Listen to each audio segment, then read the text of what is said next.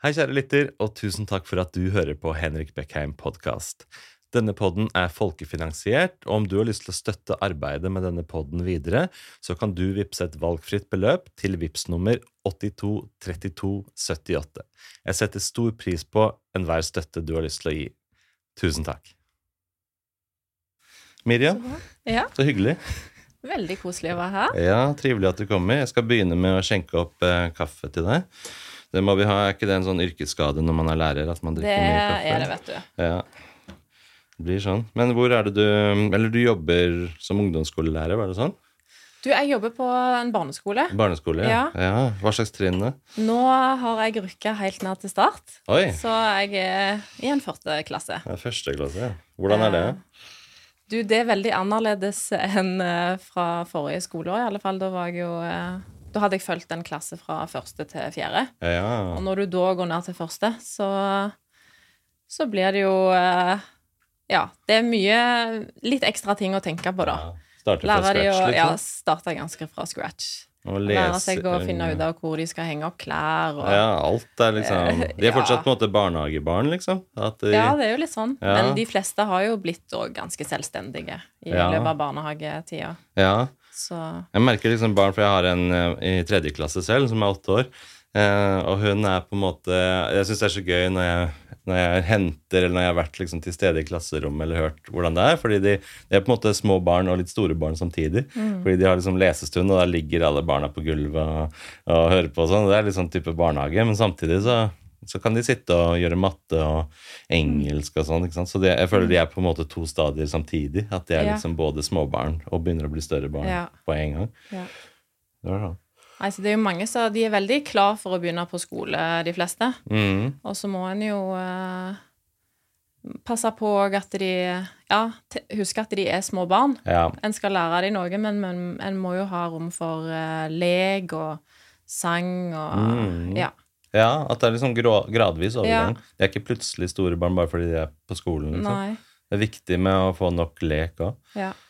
Men uh, altså det, er, det er sånn at man følger hele trinnet. Ja. Hvis du først er i første klasse, så følger du dem når de blir eldre, andre, tredje og fjerde og sånt. Er det En som regel prøver sånn? gjerne også å legge til rette Ja. for at en i alle fall følger de en periode. Men så er det jo alltid plutselig noen som skal ut i permisjon, eller Ja, ja, ja. Men en prøver å ha det litt sånn stabilt da, ja. eh, en periode. Mm. Så blir det gjerne et skifte i løpet av eh, barneskolen òg. At du får en ny lærer. Men du jobber ute i Kolbotn, var det sånn? Det er Kolbotn, ja. Ja, ja. Hvor lenge har du jobbet der borte? Det er, begynner å bli ganske lenge. Jeg tror eh, jeg er inne i mitt tolvte år nå. Ja. Ja. I alle fall på den skolen eh, der. Hvordan har det vært da, liksom de tolv årene? Merker du stor forskjell fra det første året da du starta, til nå tolv år etterpå? Har det skjedd mye i skolevesenet, på en måte? Ja, Siden eh, ja, veldig mye endring mm. siden da. Det er jo dette her med digitalisering og Ja. stadig nye sånn system å Ja. eh, venne seg til. Og så er det jo eh, eh, Ja, det er veldig mye sånn ekstraarbeid Mm. eh, nå. Ting som du skal eh, Altså, skjer det en konflikt, så skal du dokumentere. Det er veldig mye dokumentasjon. ja. Eh, det er det bra det. eller dårlig? Det er bra, fordi at du kan se tilbake igjen, Mm. eh, og en skal jo ha kontakt med foreldre og følge opp, så Ja. da har du jo konkrete hendelser, og du kan se tilbake på hva det egentlig som Mm. skjedde. Eh, Men det kan bli De fleste opplever at det blir litt vel mye Ja. tid som går til det. Ja, ja.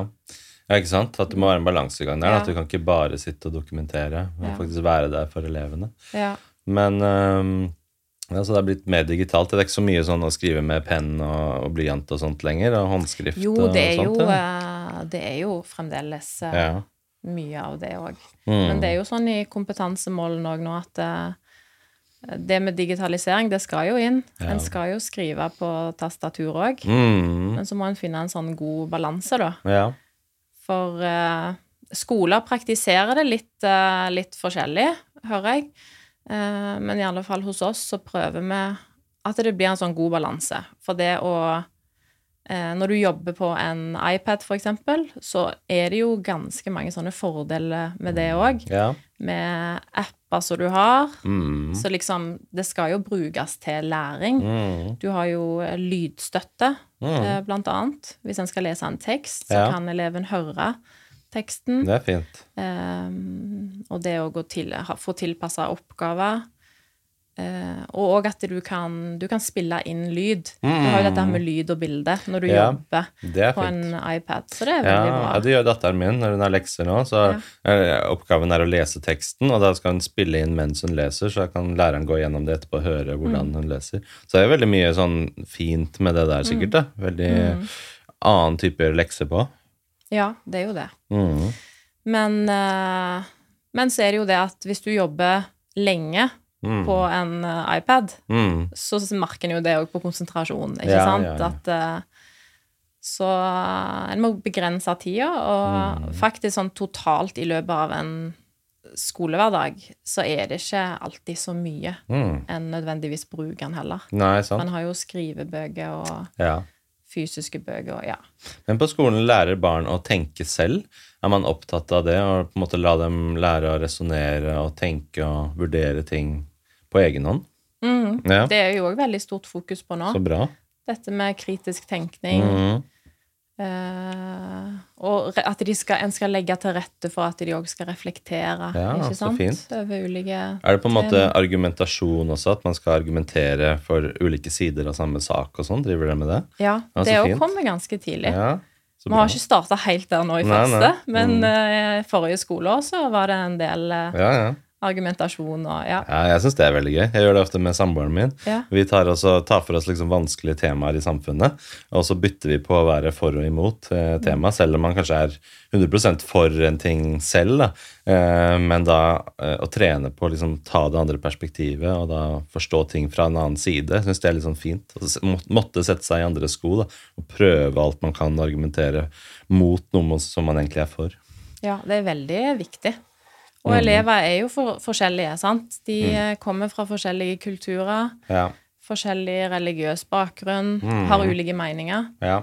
Og det å faktisk eh, lære de opp til det, sånn som du òg sier, sånn som du øver på hjemme, da. Mm. Å se ting fra ulike perspektiv. ja, ja. Fra en er ganske ung. Mm. Og òg respektere det at det andre tenker ulikt deg.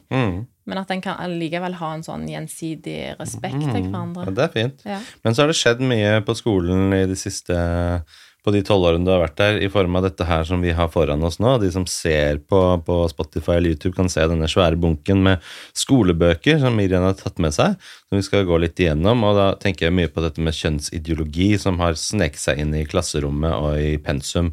Um, når var det dette her, når var det du begynte å merke at dette her kom inn på skolen og pensum og sånn? Hvilke, hvilket tidspunkt var det? Det var jo når vi begynte å forberede oss eh, og jobbe med den nye læreplanen. Mm. Eh, og da så jeg jo at det var en del nye begreper som kom inn. Eh, Når som- var dette? Husker du hvilket årstall det var? Eh, altså, læreplanen eh, begynte Den kom jo i, eh, i 2020. 2020, ja. Mm. Ja, eller trådte i kraft da, den, eh, det året der. Men det var vel noen forslag til den, eller høring Ja, eller noe sånt selvfølgelig. før Ja, det? hvis en går så langt tilbake, så, så var det jo eh, eh, en del sånn eh, press Mm. eh, på politikerne. For det var jo et ønske om å få inn en del begreper. Mm. Eksempel eh, kjønnsidentitet, kjønnsuttrykk og seksuell orientering. Mm. Eh, og da var det jo Foreningen FRI så la press på politikerne. Det vil si at uh, de politikerne dette gjaldt, sa vel sjøl at de ikke ble pressa til det. Men, eh, men FRI var i alle fall uh, inne i bildet og ønsket å få dette gjennom. På hvilken måte tenker du det var et press fra dem å, å få det inn? Nei, jeg regner med at eh, at de Jeg vet i alle fall at det ble sendt eh, brev Mm. og eh, en del sånn klage på at en ikke hadde fått inn, eh, inn eh, nok, da, eh, av det som de ønsket. Mm. Så eh, Ja, Når var dette? Når det liksom kom først forslag om dette? Var det liksom 2018-2019 eller sånt? Eller var det, det var rundt den tida. Jeg Ja. klarer ikke å huske akkurat Nei, tilbake rundt til der vi snakker, liksom. det som jeg leste om dette her. Ja. Ja. Så eh, Og hva var det de ville ha inn? Eller vi kan ta det helt fra før dette igjen. Hva, hva tror du det kommer av at man plutselig ville ha alt dette her inn i skolesystemet? Hva er, hva er liksom roten til alt dette her? Hvor kommer det fra? det er jo eh, Det er altså Hvis du tenker deg da Foreningen for eh, FRI, Ja. eh, så er det jo eh, dette her med kjønns- og seksualitetsmangfold, Ja. sant? Eh, og de har jo eh, mange saker som de ønsker å kjempe gjennom. Eh, og det som jeg har fokusert mest på da, eh, så jeg har satt meg mest inn i disse her lærebøkene, det går jo rett på dette her med, med skjønn. Mm. Eh, og at det plutselig At det er et ønske om å få inn et nytt syn på skjønn. Mm. At skjønn ikke lenger skal være bare biologisk. Mm.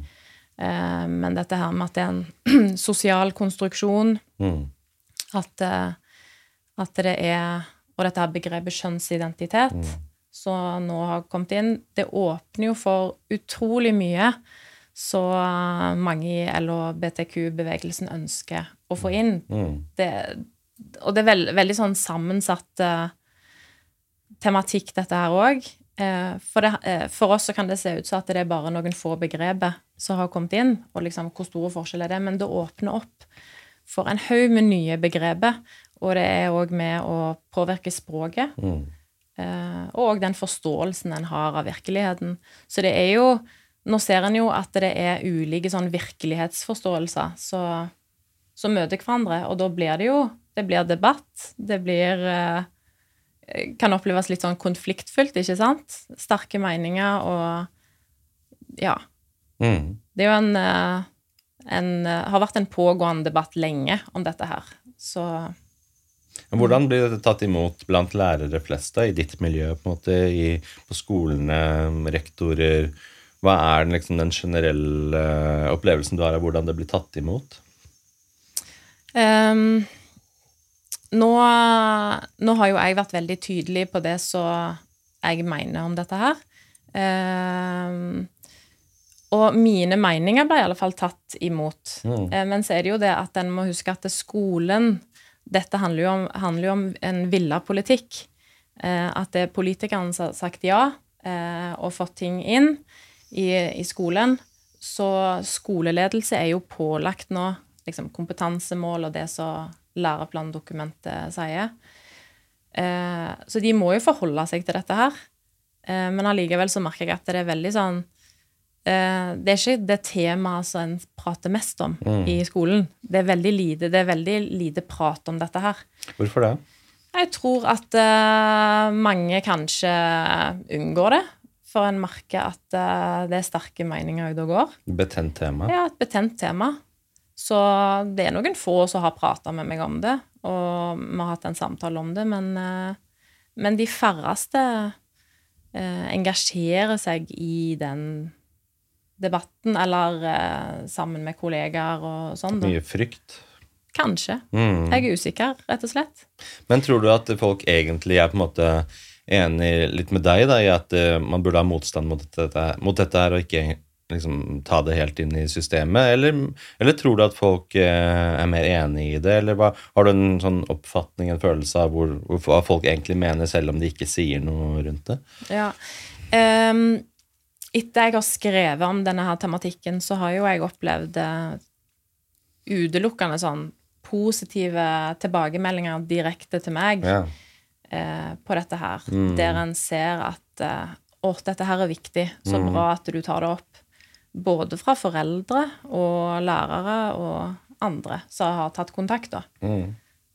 Så en ser jo at eh, det er mange som er enig, Mm. men det er få som prater høyt om det.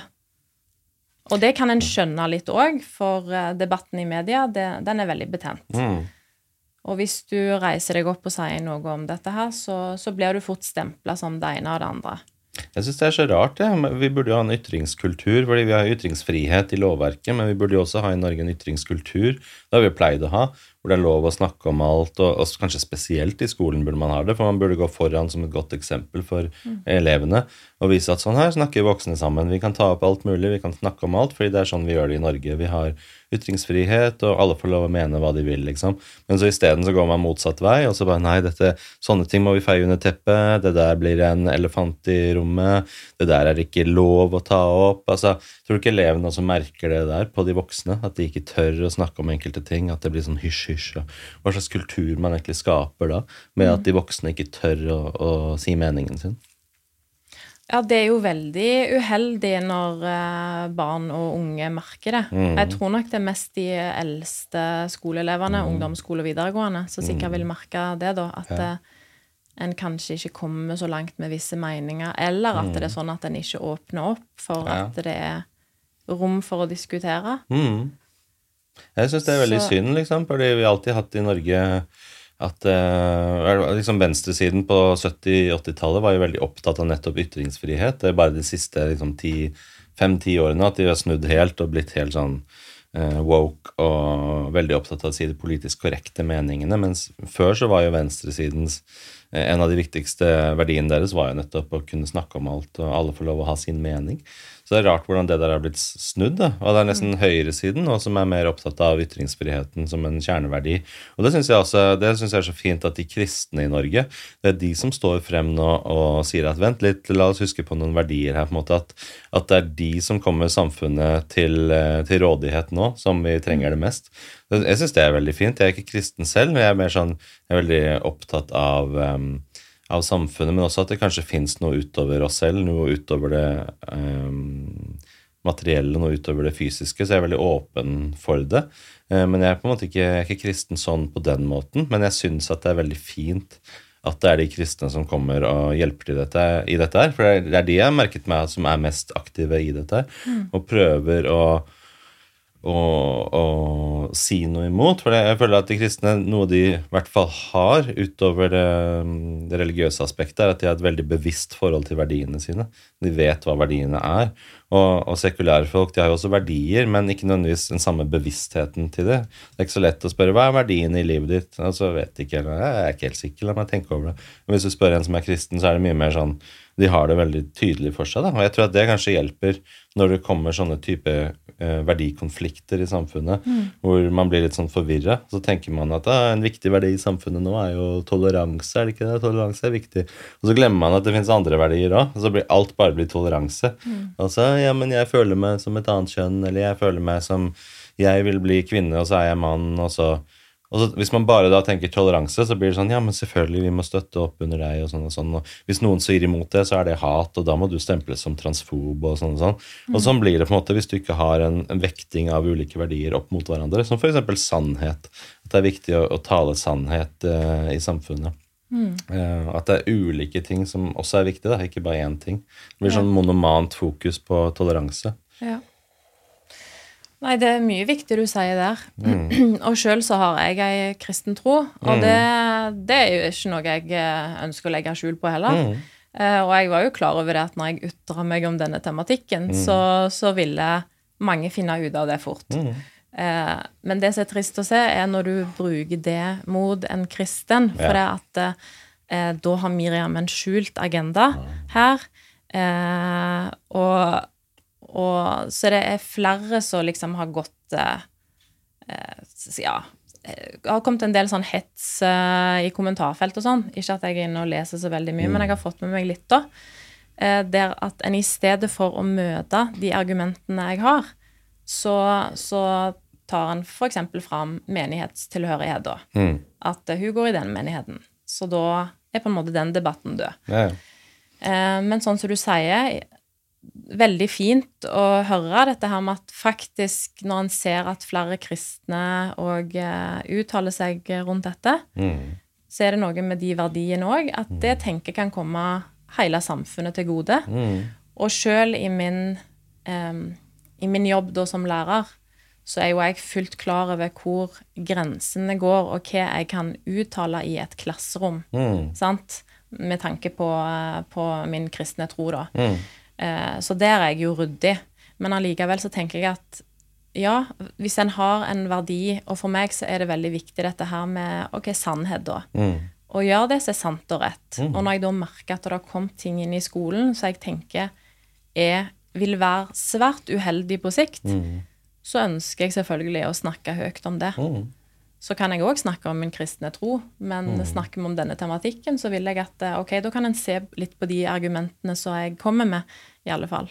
Og kanskje spesielt når det handler om barn, syns jeg. At dette er ikke bare Det er én ting hvis det bare handlet om voksne hele den tematikken. Det er liksom greit nok, det er viktig å ta opp det òg. Men voksne er tross alt voksne. De kan ta selvstendige valg om livet sitt og kjønn og alt det der. Men dette dreier seg jo om barn, liksom. Og det er enda viktigere. Det er, eh, det er kjempeviktig. Og der har jo vi alle voksne i samfunnet et stort ansvar for hva vi eksponerer barn for, hva vi sier, og spesielt hva vi lærer dem. Det får jo en enda større tyngde når det står i lærebøker, som vi skal gå gjennom etterpå. At dette er det barn skal sitte og ta imot og, og tenke at dette er det voksne mener, dette er det vi skal lære, dette er sannheten. Liksom. Her er fasiten på livet, på alt. ikke sant? Og da det burde jo være enda strengere krav tenker jeg, til hva som står i lærebøker. For det er sånn som jeg har skjønt, skjønt det nå, da, er at det finnes jo egentlig ikke noe noen som går igjennom og kvalitetskontrollerer det. Det er mer forlagene som bestemmer hva som står i lærebøkene. Og forlagene har liksom monopol på det, og så selger de bøkene, og så tar skolene det inn. Fordi Før så var det vel mer sånn at det var på en måte et sånn kvalitetssikringsorgan som gikk igjennom innholdet. Men hvordan er det nå, egentlig? Ehm, det er sånn som du sier. eh, det er ikke en sånn type kvalitetssikring som det var før. Mm. Jeg er usikker på når den endringen skjedde. Men det er lettere, mye lettere å få gjennom ei lærebok nå. Ja. Eh, og så er det jo veldig enkelt òg å eh, En ser jo ett argument som blir brukt hvis en tar og sier noe kritisk om lærebøkenes innhold om kjønn og kjønnsidentitet. Så, så er det jo gjerne det at ja, men dette her er i tråd med læreplanen. Eh, men så må en jo tenke òg på det at det er Jeg kunne lagt eller en annen person kunne skrevet ei helt annen lærebok som la fram tematikken på en helt annen måte, og det var fremdeles i tråd med læreplanen. Mm. Og så tenker jeg eh, Ja, eh, lærebokforlagene har òg et eh, ansvar her. Mm. Ikke minst eh, skolene som tar i bruk eh, lærebøkene. For eh, vi, vi lærere er jo ikke bundet til å bruke ei lærebok heller. Vi, kan, vi må forholde oss til kompetansemål og overordna del av læreplanen. Men jeg kan lage mitt eget opplegg, og det gjør jo ofte lærere òg. Det er jo ikke alltid at en følger ei lærebok slavisk. Men du skal jo, på lik linje med alle andre typer lærebøker om andre tema, så skal en lærer vurdere før en tar det i bruk i undervisningen. Så hvis en tenker at nei, dette her var ikke så bra, jeg prøver å lage et litt annerledes opplegg. Så jeg kjenner òg til, eh, har fått informasjon, for jeg har jo eh, fått kontakt med både foreldre og andre lærere gjennom at jeg har skrevet, så jeg har hatt kontakt med, og jeg vet at det, det er skoler som òg har gått vekk ifra lærebøker, Mm. fordi at en har fått reaksjoner på det. Og det har de anledning til å gjøre, eller? Ja. De har det. Eh, fordi det er fint, for det er det vi tilbake til vi pratet om hva dere lærer elevene nå. Kritisk tenkning. At man skal tenke selv. Og da er det jo kjempeviktig at lærere og skoler også går frem som et godt eksempel og tenker selv. Eh, og det er litt sånn paralleller til jeg tenker i krig. Eh, type uh, soldater og offiserer som sier 'jeg fulgte bare ordre', jeg. og så går det og dreper masse sivile. Du kan ikke skylde på at du bare fulgte ordre. Liksom uten, det er veldig satt på spissen uten sammenligning for øvrig, men det er litt sånn sammenligning uansett.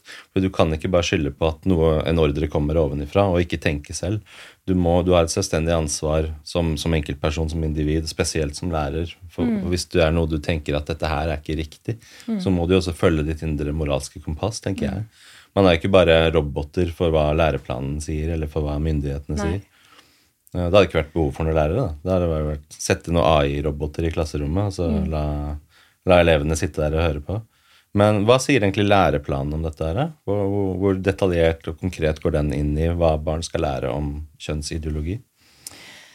Det er jo det som er litt sånn interessant å se på, eh, fordi at eh, de begrepene som går igjen i kompetansemål, er jo eh, at eh, dette her med kjønnsidentitet er et begrep som går igjen.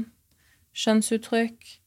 Eh, seksuell orientering, som jeg nevnte tidligere.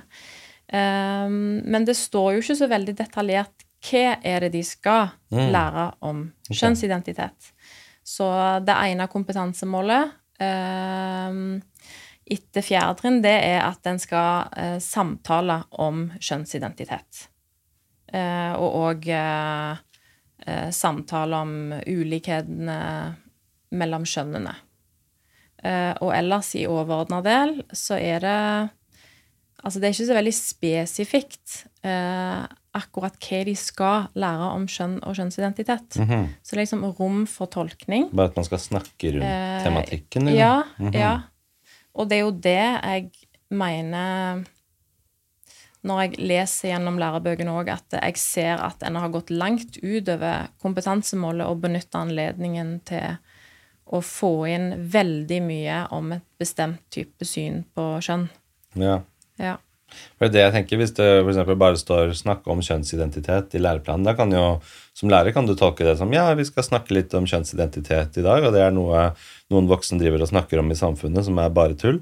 Og vi er ikke enig i det i det hele tatt. Sånn har vi snakket om kjønnsidentitet. Altså, du kan Satt på spissen, og så kan du tolke det dit, da, hvis man, hvis man vil. Mm. Men det som er faktisk realiteten nå, da, med, med undervisningen om kjønn i skolen, Mm. Det er jo rett og slett at nå, på grunn av eh, det som har kommet inn i læreplanen, så, så er vi der nå at eh, skolen underviser om ulike, typ, uh, ulike syn på kjønn. Okay. Uh, så hvis en ser på veilederen uh, til Utdanningsdirektoratet, Mm.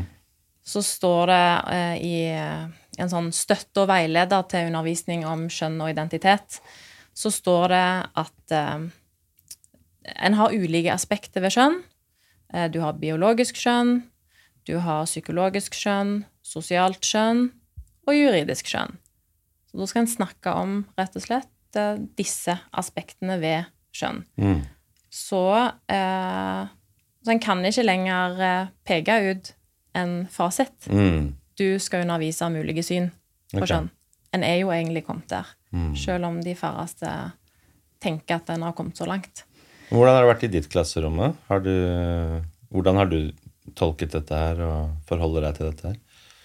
Jeg har faktisk eh, Nå er det jo ikke noe i første klasse, Nei. sant? Heldigvis. Eh, men jeg hadde fjerde trinn i fjor. Mm. Men da hadde ikke jeg eh, det faget okay. der, eh, der dette her kommer. Er det samfunnsfag eller naturfag? Eller? Samfunnsfag og naturfag. Ja.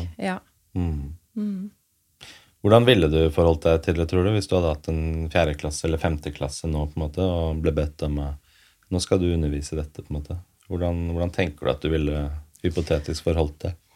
Da ville jeg tenkt at eh, jeg forholder meg til kompetansemålet. Eh, og hvis jeg skal undervise om det, eh, så ønsker jeg å legge det fram eh, på best mulig måte. For en må jo sette ord på òg at det er Det er ikke alle som identifiserer seg med sitt biologiske kjønn. Mm. Um, men når det er Det kommer veldig an på hvilken alder dette her er.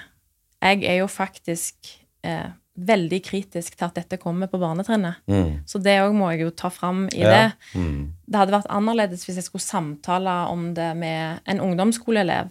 Men det at det i det hele tatt skal bli et uh, samtaleemne på tredje-fjerde trinn, det tenker jeg det er liksom uh, De er for små. Men Det forvirrer mer enn det gir noe nytte, ja, jeg. jeg tenker det er en Mm. mulighet der, og Mm. den, den kan en ikke bare se vekk ifra. Det er en mulighet der for at uh, en kan begynne å tenke annerledes om seg sjøl. At Ja. det faktisk kan påvirke barns identitetsutvikling, da. Mm. Og så er det jo klart at vi snakker òg om eh, en eh, sårbar minoritet her. Det er jo eh, Jeg er òg fullt klar over at det fins barn som opplever kjønnsidentitetsproblematikk. Mm. Men så tenker jeg du må òg være litt bevisst på hva sier du da eh, i et klasserom når alle er til stede, og hva er det du samtaler med den ene eleven om? Mm. Og så tenker jeg kanskje det viktigste da, hvis en elev er i en sånn sårbar fase og er forvirra, så er kanskje det viktigste at du iallfall du møter den eleven, du viser at du er glad i den eleven, og du gir omsorg, Mm. og er der, eh, viser at du er til stede, og at du òg kan prate med denne her eleven. Mm. Um, men eh, som sagt, svært kritisk til at dette har blitt et sånn, en tematikk som en skal ta opp eh, i barneskolen. Ja, det tenker jeg også, fordi det er noe med å lære barn på en måte the basics, da. Altså biologi og sånn at vi lærer jo til barn at mennesker, vi har ti fingre. Og hvis noen få i verden skulle være født med på en måte en fødselsfeil at de har ni fingre, eller noe sånt, så sier jo ikke vi til barn på barneskolen fordi at mennesker har fingre på et spektrum. At eh, det er, det er ikke noe sannhet at mennesker har ti fingre. Vi lærer jo ikke bort det. Bare fordi noen få blir født eh, dessverre med noe feil, så sier vi jo fortsatt at standarden for mennesker er at man har ti fingre. Og standarden for mennesker er at vi er mann og kvinne. Så er det jo sånn at noen dessverre blir født med noe fødselsfeil der også. Og rent biologisk at de kan måtte være mm, DSD, eller det man kalte intersex før. At man kan være født med mm, utydelige kjønnsuttrykk og sånn og sånn, og så må man ha noe kirurgi for å operere det. Men det er jo kjempesynd på de barna, og de må jo få den, all den helsehjelpen og hjelpen de trenger. Men det betyr jo ikke at man skal snu standarden helt på hodet og si at mennesker er født på et spektrum for det. Vi er jo fortsatt enten mann eller kvinne, uh, uavhengig av om det iblant skjer noe feil. Men så tenker jeg også at de som opplever seg mer sånn subjektivt, sosialt uh, kjønnsidentitet Det skjer jo, ikke sant? At, uh, det har jo alltid skjedd. Men jeg tenker at vi skal jo heller ikke snu samfunnet opp ned pga. det, og gjøre flere barn forvirret bare fordi noen få er forvirret i det. Det er bedre å hjelpe dem, som du sier, og de skal jo få all den støtten de trenger. Selvfølgelig må jo være kjempevanskelig situasjon de er i, men vi skal jo samtidig passe på alle de andre barna som ikke føler at de er født i feil kjønn, og, og vi skal ikke gjøre dem mer forvirret enn de behøver å bli. Altså, de kan jo få lov til å vokse opp med å føle at det er riktig at de er jente, eller riktig at de er gutt, sånn som de er. Eh, Så man må på en måte ha to tanker i, i hodet samtidig, da. Eh, Og ikke eh, og, og definitivt ikke gjøre sånn at det blir til sosial påvirkning. At all denne toleransen for det, som jo er fint, men vi kan ikke gjøre at den toleransen gjør at det sprer seg så mye sosiale medier, TikTok, at alle snakker om det så mye at, at vi får en oppblomstring av, av barn og unge som tror at de er i feil kjønn som følge av sosial påvirkning, som det virker nå på statistikk, at det er så utrolig mange flere som ønsker å bytte kjønn, og kapasiteten på Rikshospitalet er jo sprengt fordi de har så lange ventelister for barn og unge som vil begynne på pubertetsblokkere. Og det har aldri vært sånn før tidligere i historien. Og så sier noen at ja, men det kommer av at det er så mye mer åpenhet og toleranse, så nå endelig kommer barna ut av skapet. Men det er ingen evidens som tilsier det. Og jeg har snakket med mange fagpersoner som sier at nei, det er ikke noe som tilsier at det er derfor. Det er heller at det er sosial påvirkning uh, som fører til dette her. og Dessverre kan det føre til overbehandling og feilbehandling av masse barn og unge som aldri burde gjøre dette her i det hele tatt. Det er derfor jeg tenker det er så viktig med denne pensumet her. Hvis dette her kan føre til at barn og unge som absolutt ikke burde ha noe kirurgi eller pubertetsblokkere, får det i en form av overbehandling eller feilbehandling, så er jo det katastrofalt for dem. Ehm, og da komme til å angre senere på hva de har gjort. Ehm, jeg skal ha en eh, person her senere på podkasten som heter Aleksander Linkowski, som er en av de som angrer på kjønnskorrigerende behandling. Og hva han sier, og hvordan du da blir også fryst ut av miljøet hvis du angrer. Da er du ikke en del av fellesskapet lenger, av transfellesskapet. Da vil ikke han noe med deg å gjøre, for de passer ikke inn i narrativet. Han vil jo ha en, en foredrag og samtale på Kulturhuset her i Oslo her om dagen i forrige uke, og det ble kansellert fordi de ville ikke ha det narrativet. Så det, det fikk han ikke lov til å ha. Så, det, så er det, det, Du blir fryst ut av samfunnet. så Det er derfor jeg mener at det er mye av dette som taler for at det er mer en ideologi, mer enn at det er noe sånt som at ja, nå er det så mye åpenhet rundt det, så nå kommer alle frem med sin medisinske tilstand. Mye mer som taler for at dette er sosialt press og sosial eh, påvirkning som gjør at barn og unge får en knagg å henge ting på, som kanskje egentlig handler om eh, depresjon, angst, de har vansker psykisk. Vi vet f.eks. at autisme i ung alder medfører at man Det medfører konkret at man føler seg i feil kropp. Det har man ingen ikke noe særlig fokus på å utrede. Man kan ikke nok om det. Jeg har hatt psykologspesialist Lisa Nordsveen her to ganger. Vi har snakket i tre timer hver gang. Og hun har jobbet på avdeling for kjønnskorrigerende behandling på Rikshospitalet. Hun vet akkurat hvordan dette er. Hun sier ordrett at vi har ikke nok kompetanse. Det fins ikke noe fagmiljø for dette her i Norge. Vi vet ikke hva vi driver med, omtrent. Det er det hun sier. Uh, og det er altfor lite utredning på dette her. Og det er egentlig uh, og det, det kommer jo en rapport nå fra um, hva er det som heter NOU, Norsk offentlig utredning. Jeg er ikke helt sikker på hva de heter, men det var noe tilsvarende det, som sier at vi må anse kjønnskorrigerende behandling i Norge som eksperimentelt. Mm. For vi har ikke nok evidens eller vitenskap rundt det vi driver med. Uh, så det ble en lang sånn monolog fra meg, men jeg bare hadde mye å si om det der. Mm. Mm. Ja, og det, det, er jo alvorlig òg når du ser at du har ikke evidens nok til å si at uh, mm. denne her behandlingen mm. er god nok. Uh, og så òg hvilken retning er det vi påvirker våre ja. barn og unge? Mm. Og som jeg sa i stad, uh, de som har kommet med disse lærebøkene, har et ansvar. Bokforlagene, skolen, den enkelte lærer. Mm hvordan vil eh, denne undervisningen påvirke barn og unge? Mm. Eh, du har utrolig mye overordna del som sier det at vi skal ivareta den enkelte elev. Vi skal ivareta identitetsutviklingen til barna. Eh, vi skal sørge for selvfølgelig at alle er inkludert, at de har det bra. At de på sikt òg At vi har gjort en god jobb på skolen, sånn at de senere òg kan mestre eget liv. Mm. Derfor tenker jeg det er svært alvorlig hvis det er det motsatte en faktisk kan ende opp med. Mm. At du, du, kommer med en lære, en idé, om at skjønn er noe annet mm. enn det skjønn er. For bare begrepet skjønn eh, har jo nesten blitt litt utvaska. Ja, ja. eh, og når du ser i lærebøker òg, så blir det jo eh, sammensausa veldig skjønn og kjønnsidentitet. Mm. Du har eh, kjønnsidentitet eh, og kjønn blir definert på samme måte. Ja. Eller ja, Da blir det bare tull til slutt. Eh, ja.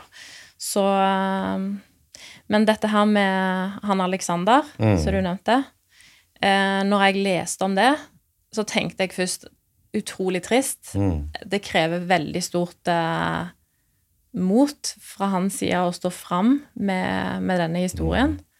Eh, og han ønsker jo å gjøre det fordi han ikke vil at andre skal gå den veien som han gikk.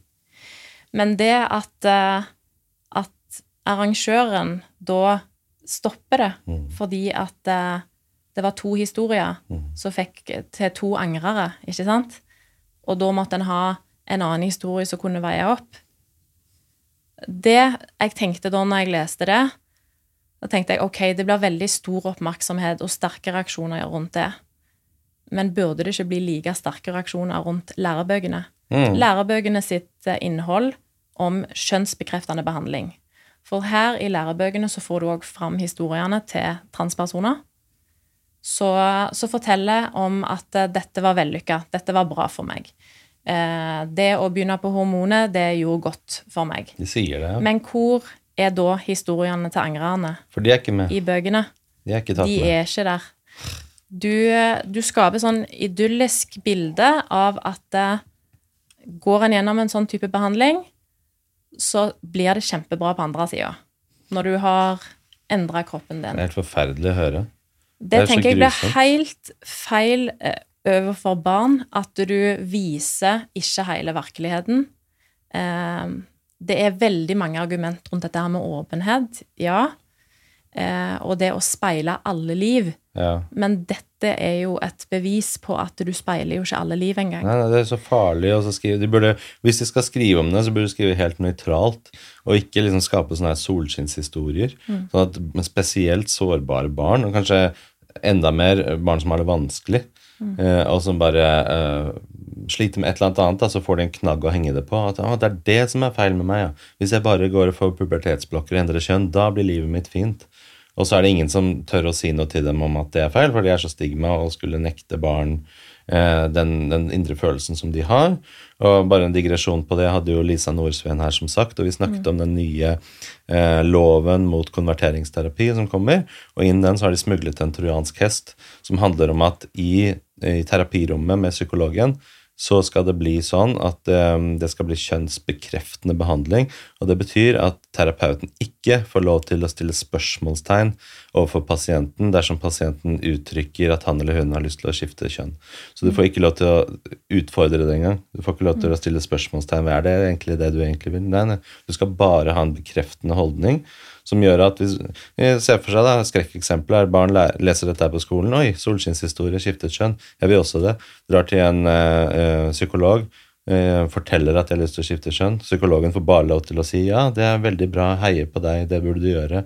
Og så går videre i forløpet, for ingen har lov til å stille kritiske spørsmål til deg. Mm. Så da har du hele pakkeforløpet ferdig og så ender du opp med kanskje angre, og da blir du kastet ut av, av, av det gode fellesskapet, for den narrativet der har jeg ikke lyst til å høre på. Så det er sånn, vi kan ikke ha, Hva er dette for noe? ikke sant? La oss begynne med bøkene med en gang, og så ta for oss Husker du hvilken bok den der solskinnshistorien er i?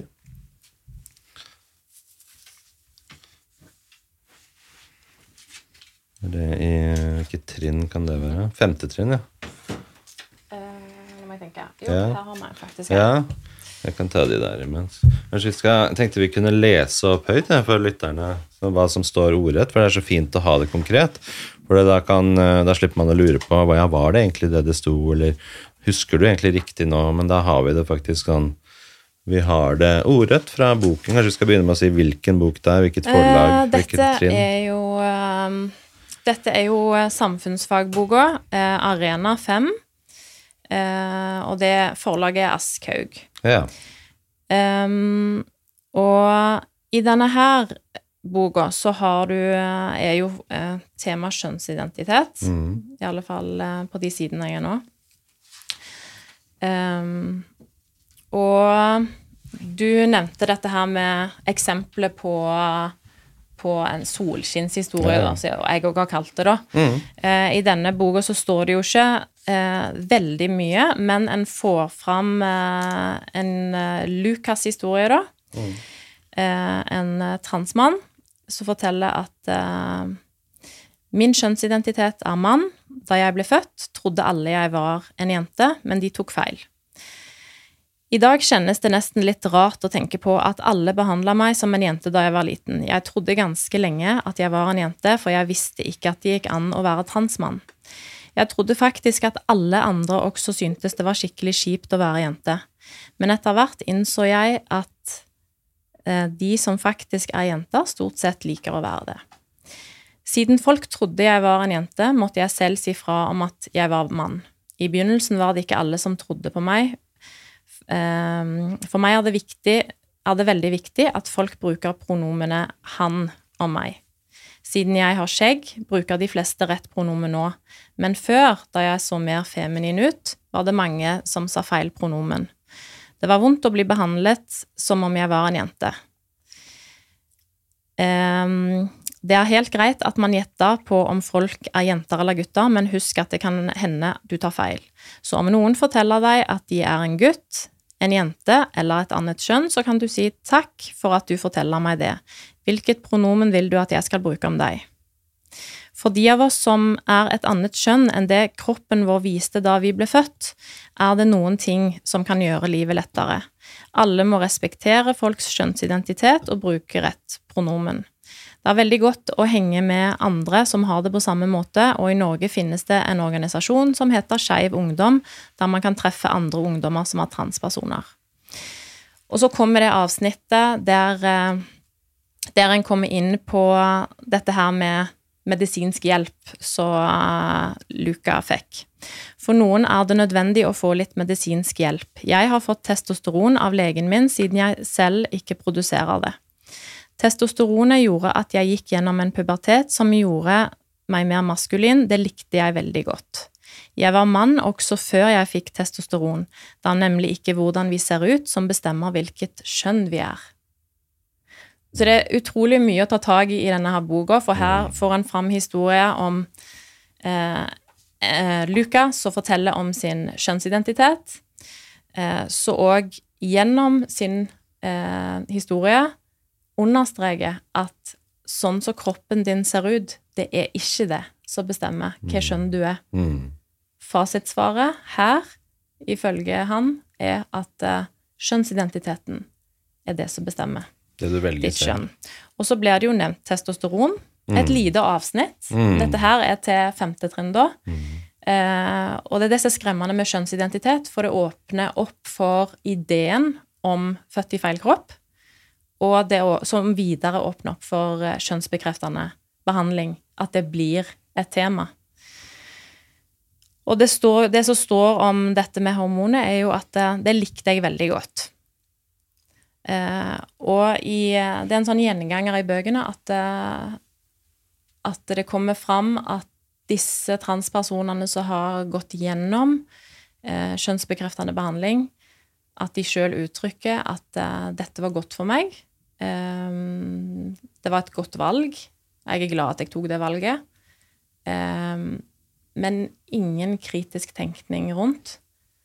Og det er veldig skremmende òg når til og med lærerveiledningen Der ville det vært veldig naturlig at du tok fram noe om statistikken og hva som skjer liksom i Norge, og stadig, et stadig høyere antall uh, unge ønsker denne type behandling. Og en har ikke nok kunnskap om behandlingen heller. Mm. Nei, det er jo Hva vil eksperimentelt. følgene bli på sikt? Mm. Det tar en ikke fram i det hele tatt. Mm.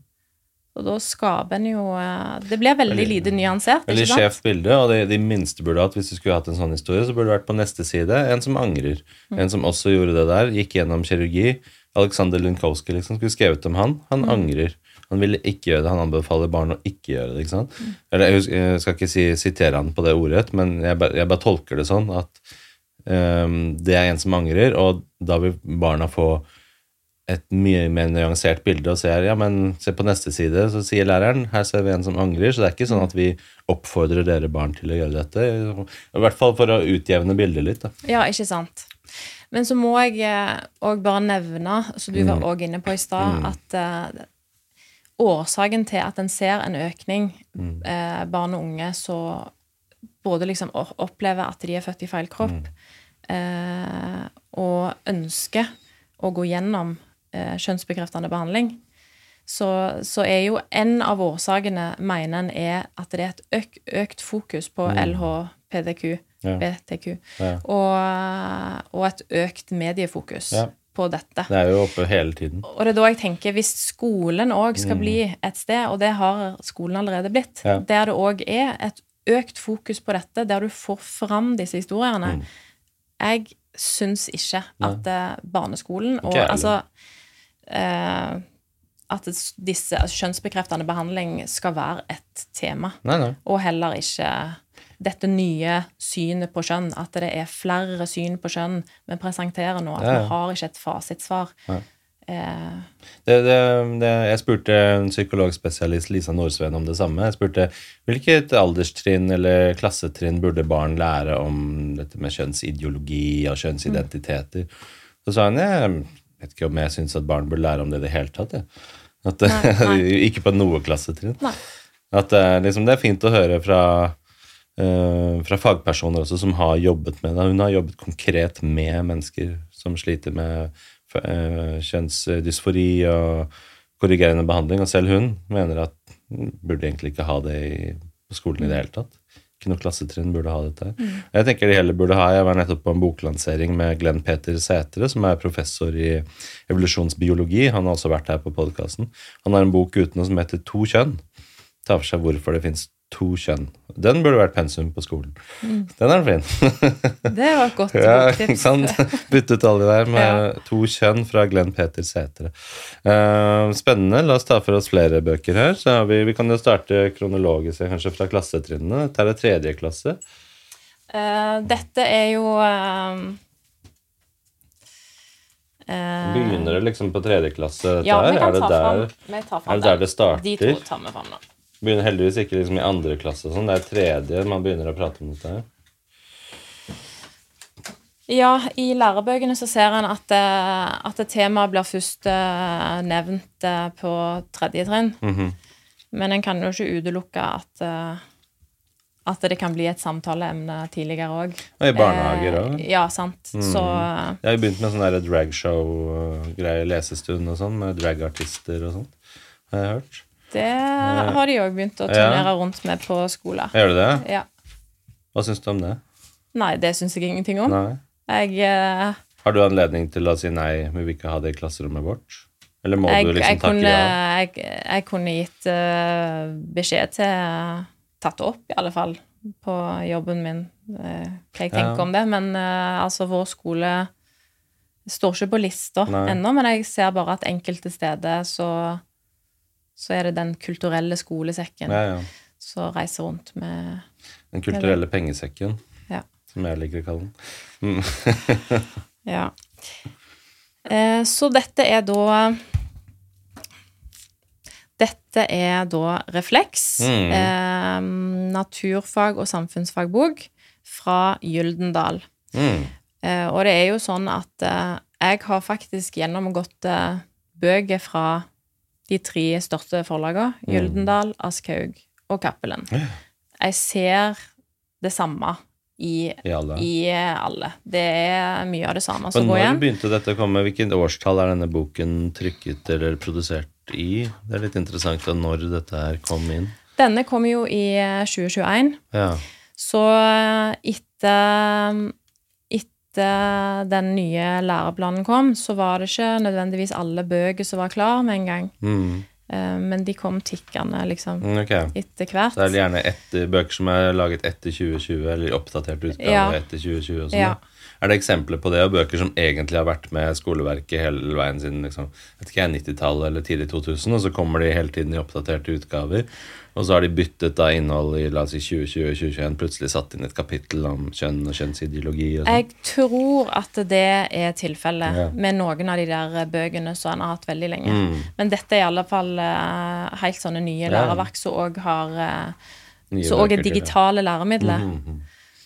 Så eh, kan jo nevne òg det at hvis en da kommer med klage mm. på innholdet, så er det jo fullt mulig i alle fall å endre Ja. eh, de digitale læremidlene. fint, ja. Hvis en ser at her er det mangler, eller her er det lite nyansert. Så La oss ta opp det med hvor er det folk kan klage, både lærere og foreldre og sånn. Hvor er det man kan klage hvis man er uenig i dette innholdet i skolebøkene?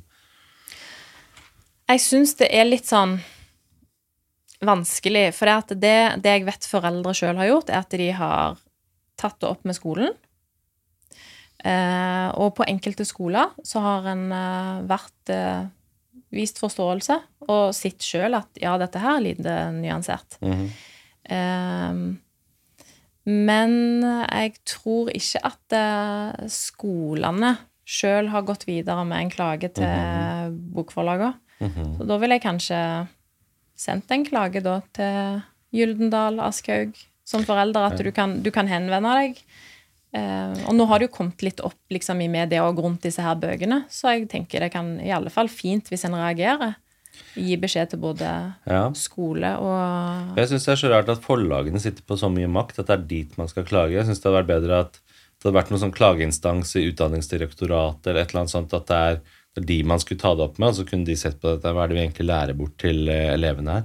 Altså Det er de som Ja. burde ha en sånn portvokterrolle for hva Ja. det er som Hva er det vi driver med Ja. i bøkene, på en måte. Ja, jeg tenker politikerne må jo Ja. stilles til ansvar nå når en liksom- ser liksom det er dette som har kommet nå. Ja, for Hvem er det som avgjør sånn politisk, hvem er det som bestemmer selve um, pensumet, læreplanen? Hvem er det som gjør det? Hvordan læreplanen blir? Uh, akkurat den der prosessen der er jeg litt sånn eh, ut av det. usikker på. De som gjør, hvor ofte kommer Men- det nye læreplaner? Er det ganske ofte, eller er det sånne reformer og sånt noe? Det er vel litt sånn forskjellig akkurat liksom hvor hyppig det, Ja. det kommer. Jeg tenker det er de man må påvirke. De som er Ja. ansvarlig Ja. for læreplanen.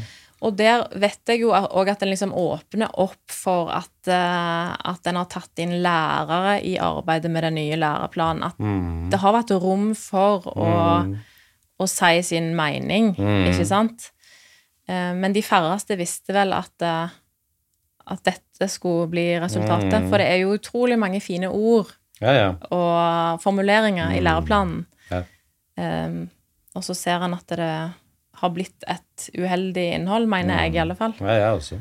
Mm. La oss ta for oss denne boken Tredje trinn. Her er det en overskrift, da, eh, så er 'Rett til å være den man vil. Det er en sånn veldig gjenganger. Det, du har rett til å være den du er. Eh, og gå igjen flere ganger i, på flere årstrinn, der en òg gjerne sier det at eh, kanskje foreldrene dine sier at du er noe annet, men du har rett til å være den du vil. Og her står det at eh, det er ingen lover som sier hvordan jenter skal være og hvordan gutter skal være. Likevel er det slik at noen barn opplever at de er et annet skjønn enn det de voksne sier at de er. Det kan være at man ble født som gutt, men kjenner inni seg at man er jente. Eller man kan være født som jente, men kjenner inni seg at man er gutt. Og noen kjenner inni seg at de er både gutt og jente. Så her er det jo den eh, subjektive opplevelsen av hvem du er, som er fokus, og blir presentert for, eh, for eh, tredje trinn, Mm. elever. Og um, Tredje trinn er jo åtte år gamle. Gjerne. mm, åtteåringer. Eh, der han skal sette seg inn i dette her at og, og de fleste har vel ikke tenkt tanken heller at eh, Å, hvordan er det jeg egentlig føler meg? Mm. Og en åpner jo opp for denne tanken at OK, jeg kan faktisk føle meg som noe annet enn jente, selv om at jeg er født jente. Mm. Så her er det jo ideen om uh, født i feil kropp. Ja, det gjør jo barn forvirra med en gang. Ting de ikke hadde tenkt på engang. Altså bare Ja. Så kommer dette her, og så, så blir de Ja. opptatt av det. da. Ja. Det, Og selvfølgelig tror jeg òg at, eh, at barn kan gå gjennom en sånn type undervisning, og livet endte godt. mm. Men jeg tror ikke at det er noe en skal ta en, eh, en sjanse på. For det vil alltid være noen, og gjerne de mest sårbare, Mm. som kan bli de så dette her går Ja, ja. veldig negativt utover. Mm. Og det er jo uttalt da om eh, både dette her fokuset som har vært på, eh, på rosa kompetanse og ting som Foreningen FRI ønsker å lære opp eh, Mm. Både barnehageansatte og ansatte Ja. i skolen. La oss ta og, den med en gang. Hva er Ja. egentlig rosa kompetanse? Hva er det for noe? Ja, rosa kompetanse har jo vært litt eh, i vinden i det siste òg. Mm. Det har vært en del kritikk mot det. Eh, og det er jo eh, fagavdelingen til Foreningen FRI.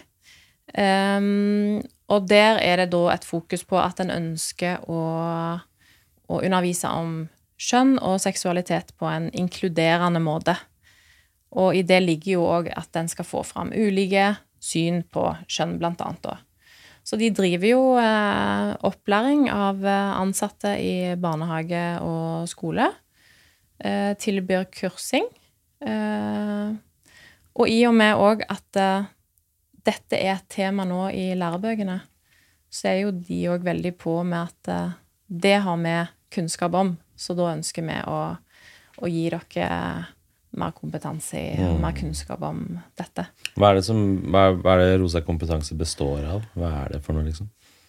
Eh, jeg har ikke Vi har ikke hatt de innom sjøl på skolen, Mm. men, eh, men det er jo Jeg vet ikke hvor mange ansatte og sånn de er, Mm. men du har jo eh, ei som er leder i Rosa kompetanse, som iallfall har vært ute og skrevet liksom ganske mye Mm.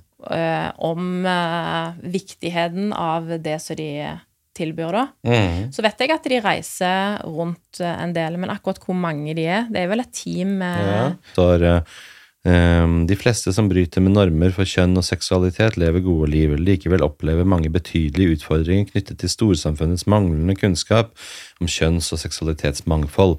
Fortsatt er statistikken uhyggelig når det kommer til mobbing og psykisk helse, og for mange er det vanskelig å finne rom til å være hele seg i hverdagen. De som møter mennesker i sin arbeidshverdag, kan utgjøre en forskjell. Det er ikke alltid så mye som skal til. Rosa kompetanse tilbyr derfor kompetanseheving om kjønns- og seksualitetsmangfold, og opplever en jevn økning i antall henvendelser om foredrag. Kursen er svært godt evaluert, og besøker stadig flere arbeidsplasser og utdanningsinstitusjoner. Parallelt med denne økningen spres også dessverre mange antagelser og misoppfatninger om kursenes innhold og publikum. Eh, Vi deler derfor en kronikk vi skrev i 2019, og som sier noe om hva vi snakker om, hvorfor vi gjør det, etc., etc. Eh, Men du finner dette på Foreningen FRI, hva dette her er for noe. Og så står det litt eh, Rosa kompetanse tilbyr kurs om seksuell orientering, kjønnsidentitet og inkluderende praksis, etc. Så det er liksom en sånn pakke, kompetanse liksom, da, på alt dette som har med seksualitet og kjønn og mangfold og identitet virker det som. da. Um, men som da er signert Foreningen FRI som på en måte de som har uh, fasiten på hva, hva som skal være i den. Da. Men dette her inkluderes da inn i skolesystemet og, og sånt. Nå. Ja. Det kommer og skal holde kurs og til lærere og barnehager. Og, Og hvis en da ser at det både kompetansemål som vi har, at de har fått påvirke og få det inn i læreplanen, og nå òg gjennom Rosa kompetanse, at de skal få kurser mm, eh, vi som skal lære opp barn, mm, så gir jo det fri da definisjonsmakt da, Ja, ja. på kjønn og seksualitet. Hvordan har de fått den plassen at de plutselig har definisjonsmakten? De har så stor posisjon og så, så monopol, da. Hvordan, hvordan skjedde det, liksom? Og hvorfor er det ikke tillatt flere stemmer der? Hvorfor er det ikke flere ulike organisasjoner som får lov å komme til? Hvorfor skal ikke ting ut på høring? Kanskje det er noen andre som er uenige? Det virker som bare vi har én organisasjon, det er Organisasjon Fri, og de har definisjon til makten, og ingen andre får lov å si noe.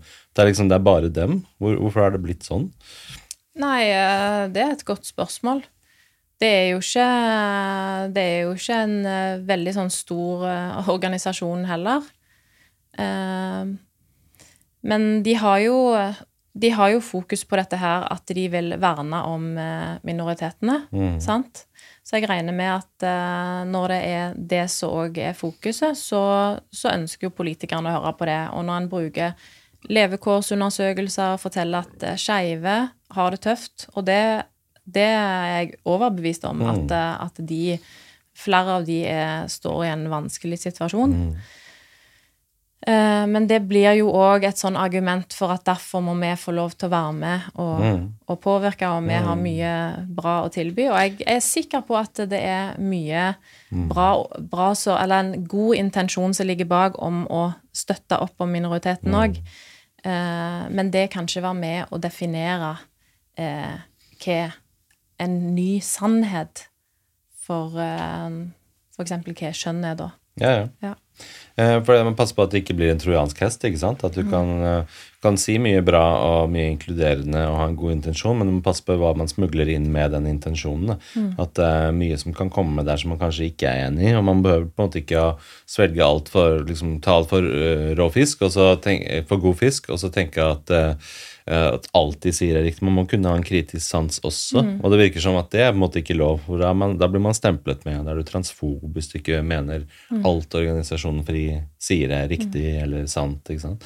At uh, vi, I hvert fall hvis vi, hvis vi skal ha en organisasjon som har så mye definisjonsmakt, så må jo de være mottagelige for kritikk og debatt. og kunne også korrigere seg, gå tilbake på hva de sier. og ja, Det de sier, burde jo i hvert fall ut på høring på en måte før det skal inn i noe eh, skolesystem og inn i bøker og pensum. og Alt dette her er jo kjempeviktige ting som burde vært på høring blant mange andre organisasjoner før man liksom vedtar at dette skal inn. Men sånn er det jo ikke. Det går bare rett inn, inn i forlagene, så vær så god. Og så, da er det jo òg interessant å se at eh, i lærebøkene i den eh, samfunnsfagboka Arena for femte trinn, eh, i det kapittelet om kjønnsidentitet, at de tre personene som deler sin historie, faktisk er tre personer med tilknytning til FRI, Er det det? ja? så forteller at kjønn er den følelsen du har inni deg, og du kan velge ditt kjønn. veldig sånn lukket økosystem. Som bare de, de har både sitt eget pensum, sin egen definisjonsmakt og sine egne eksempler.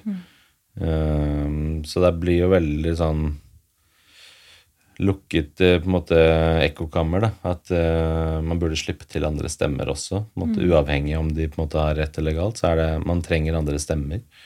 Uansett. Ja. Og jeg håper virkelig at det kommer opp en ordentlig debatt rundt dette som vi snakker om nå. Mm. For eh, jeg tror nok det er flere som ikke er interessert i den debatten, for en ønsker bare at en kan kjøre på videre med dette her, men det bør absolutt eh, Ja, virkelig. bli en debatt, for en ser jo at eh, foreldre òg begynner å reagere på dette her. Det er lærere som reagerer på dette her, det er rektorer som reagerer. Mm. Så bra. Det er fint at folk reagerer. Men hva tror du motivasjonen er for å kjøre på med dette her og tenke at dette er riktige? Hvorfor vil noen det? Hvorfor, hvorfor er det noen som ønsker at man ikke skal få noe kritikk? At, at man ikke skal ha noe motstand på dette her? Liksom, Hvorfor skulle man ønske det, på en måte? Burde ikke barnas beste gå først? At barn eh, får god opplæring og godt pensum og evne til å forstå verden og forstå seg selv på en best mulig, sterkest mulig og mest konstruktiv måte, på en måte. Mm. Er det ikke det vi er opptatt av i samfunnet? Vil vi heller liksom gi dem en sånn ideologisk eh, definisjon på hvordan vi skal oppfatte oss selv? Ja, eh, det Men det er jo det som blir litt sånn eh, vanskelig midt oppi denne her debatten òg. At jeg, jeg tror jeg, jeg, kan jo ikke si at mine meningsmotstandere ønsker det motsatte Nei. av meg. Jeg tror mm. de òg tenker at de skal hjelpe. Mm. Men det er et helt annet syn på virkeligheten. En mm. helt annen virkelighetsoppfatning mm. eh, av hva kjønn er, og, og menneskesyn og mm. Ja. Så, så, det blir jo eh, det blir jo et krasj der, og, da må en, og det er da det òg blir viktig å få opp en debatt da, der en kan vekte disse opp mot hverandre. Mm. Er det riktig vei vi går nå? For nå har en jo åpna opp for en helt ny virkelighetsoppfatning mm. som kommer inn i skolebøkene. Og med en gang når du stiller spørsmål rundt biologisk skjønn, at det skal være et spørsmål der, mm. så, så er det jo i alle fall òg i bøkene så ser en jo òg at til og med kjønnsidentitet kan bli, bli eh, nevnt som fasiten, eller gå fram som fasiten. For uh, Selv med biologisk kjønn? At det ikke fins to biologiske kjønn engang? Ja, i, i den ene læreboka som jeg har med her nå, ja. så er det sånn at uh, en går rett på kjønnsidentitet. Ja. Og hopper over biologisk. Uh, og det er ei, det, målet i en, ta, en, nevner litt om uh, reproduksjon òg. Mm. Men den eneste setningen om kjønn i det kapitlet er at kjønn blir bestemt av legen. Mm. Det er det eneste som er nevnt Hvilken bok er det? Vi kan ta det med en gang mens vi er inne på det. Ja, vi glemte med dette. ja, ja, ja, det må vi også ta. Nei, jo, jeg leste den. Ja, for vi leste begge de to tredjeklassebøkene. Ja, det eneste var en sånn uh, Det er en litt sånn interessant Ja, vi skal ta det også.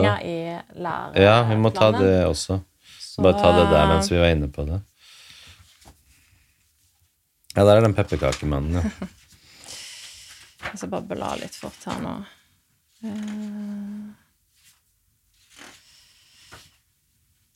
Er det noen av de som prater om sånn tredje kjønn også? At det er på en måte Ja.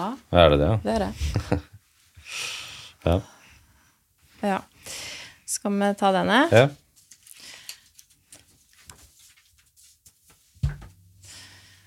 Dette er da Solaris naturfag, eh, tredje til fjerderen. Og det er òg eh, Aschhaug. Mm. Og her et, Målet for kapittelet er at eh, eh, en skal prate om kjønnsidentitet og eh, lære om forskjellen mellom kjønnene. Eh, det som er litt sånn rart her, da, er at i stedet for å komme med en sånn biologisk definisjon på hva kjønn er, så går en rett på med kjønnsidentitet. Mm. Eh, det er det som får størst fokus, og bare overskriften òg. Mm. 'Jeg er litt forvirret'. Nei. Jeg syns det er litt sånn merkelig valg av mm. overskrifter, at en skal kjøre på med med forvirring, da. At det er det som er valgt. Hva slags kapittel Litt, uh, er dette liksom innunder? Er det noe sånn overordnet kapittel hva dette er, liksom skal handle om? Eh, kapittelet sånn... her, det er vel uh, 'Hvem er uh, jeg?' Hvem er jeg? Det er et eget det er veldig, kapittel. veldig vanlig at uh, kjønnsidentitet kommer inn under et kapittel som mm. har et sånt navn, da. Men dette er, var det en naturfagsbok? Dette er både ja, det er naturfagsbok. Bare naturfagsbok. Men det er ikke litt spesielt at 'Hvem er jeg?' som et kapittel kommer inn under naturfag? Hva har det med naturfag å gjøre, på en måte? Ja, men det er jo sånn at uh, kjønnsidentitet har jo kommet inn som et sånn mm. sånn naturfagsmål. Mm. Så da blir det jo Det, det kjønnet du er født som, ja. det er på en måte uh, Det er ikke nødvendigvis fasitsvaret. For Jeg skjønner det på en måte mer hvis de hadde puttet inn alt dette her i samfunnsfag, for det er Ja, mer på sant? samfunnsnivå, ikke sant? sosialt, sosiologisk, men nå skal det også inn i naturfaget, for biologien naturfaget. skal også angripes, at det Ja. finnes ikke noe biologi, at det er bare de undertrykkende legene liksom, som sier at du er jente eller gutt, og putter deg i en kategori fra fødselen av, og Ja. putter deg i en bås og stenger deg inne. Det er litt sånn det bildet de skaper, da. Ja. Mm. Men uh, denne har jo òg fått oppmerksomhet uh, i aviser, aviser. uh, skal jeg bare ta og lese Mm. Ja, det som står om kjønnsidentitet her? Kjønnsidentiteten din er din egen tanke om hvem du er og hvordan du ser på deg selv. Du kan tenke på deg selv som gutt eller jente, eller ikke vite helt. Du kan ønske å bli kalt han, hun eller hen, eller hva du vil. Babyer kan ikke fortelle om de føler seg som gutt eller jente. Legene bestemmer hvilket kjønn babyen har ved å se om de har jentetiss eller guttetiss. Men klær, hårfrisyre, hva du leker med og hva du gjør, kan vise hvilken kjønnsidentitet du har. Det kan vise om du føler deg som en gutt, en jente, begge deler eller ingen av delene. Hva du viser kan være likt eller forskjellig fra hvilket kjønn du har. Mm. Så her òg kommer det jo fram det at eh, kjønnsidentiteten din, det handler om den tanken du sjøl har om hvem du er. Um, og det er ehm, veldig underlig, rett og slett, at en ikke har eh, sagt noe om eh, biologi her, eller at vi er født som det, fra, det eneste som kommer fram her når det nevnes, det er jo at det er faktisk det er legene som bestemmer hva kjønn babyen har. Det Det er ikke noe som blir observert, det er noe legen bestemmer. Så det, ikke, det står ikke noe annet om biologi, eh, om kjønn liksom seinere, liksom siden etter, eller Eh, det kommer fram eh, en sånn bildeserie her. Ja. 'Slik ble jeg til', Ja. sant? Men det er liksom Eh, Men ikke noe mer om eh, mann og kvinne, eller at det fins to kjønn, eller Nei. Det veldig rare i denne boka, det er faktisk bare i Aschhaug jeg har eh, sett det, da. Det er at eh, når du har denne her eh, oversikten over hva som skjer i svangerskapet, eller denne her eh, De tegningene her Mm. eh, om hvordan en blir til, Mm. eh, så er faktisk ikke gutt eller jente nevnt. Vanligvis så har en eh, en sånn, i alle fall i svangerskapets utvikling, at du har på dette stadiet her, så kan en se om det er gutt eller jente. Mm. Men de sier ikke det. Mens her står det ikke det. Det de? Det Og jeg vet hen, ikke liksom? om det, det er bevisst. Jeg eh, har mine mistanker da, men en ser at eh, gutt og jente, altså måten eh, Altså språket vårt blir eh, dekonstruert Mm. med tanke på dette med kjønn nå. Så, så er det jo flere eksempler der en, eh, en tar bort gutt og jente. Og og Halvparten ja. av de som menstruerer, for eksempel. Ja. Ja, Så de sier det det. isteden. Ja. Men sier de også, tar de bort mor og far òg? Sier liksom fødeforelder og sånn? Som man har begynt å se eksempler på? Jeg Altså, har ikke sett uh, jo si begrepet at, eh, fødeforeldre i For det, har jeg sett sånn forslag i lovverk og sånn, at Ja. man skal ta bort mor, fordi det er undertrykkende. Det skal være den forelderen som føder. Mm. Og så skal du og så er det undertrykkende nå å si at det er bare kvinner som kan få barn. Det er ikke lov å si lenger. Mm. Nå kan også menn få barn. Og det er bare masse sånn her Jeg bare venter på at det kommer i bøkene nå. Ja, for bare det å definere hva mann og kvinne er nå, ut ifra Mm. Ja, ja, er at skolen skal Mm. undervise om ulike syn på kjønn, Mm. så har du jo ikke en uh, ordentlig definisjon lenger. Nei, nei. Jeg, eh, digresjon på det. Har du sett den dokumentaren til Matt Walsh som heter What is a woman? Ja. Ja, nettopp. Han, eh, bare for å si det til lytterne, bør dere sjekke ut, gå på Google, søk etter What is a woman av Matt Walsh.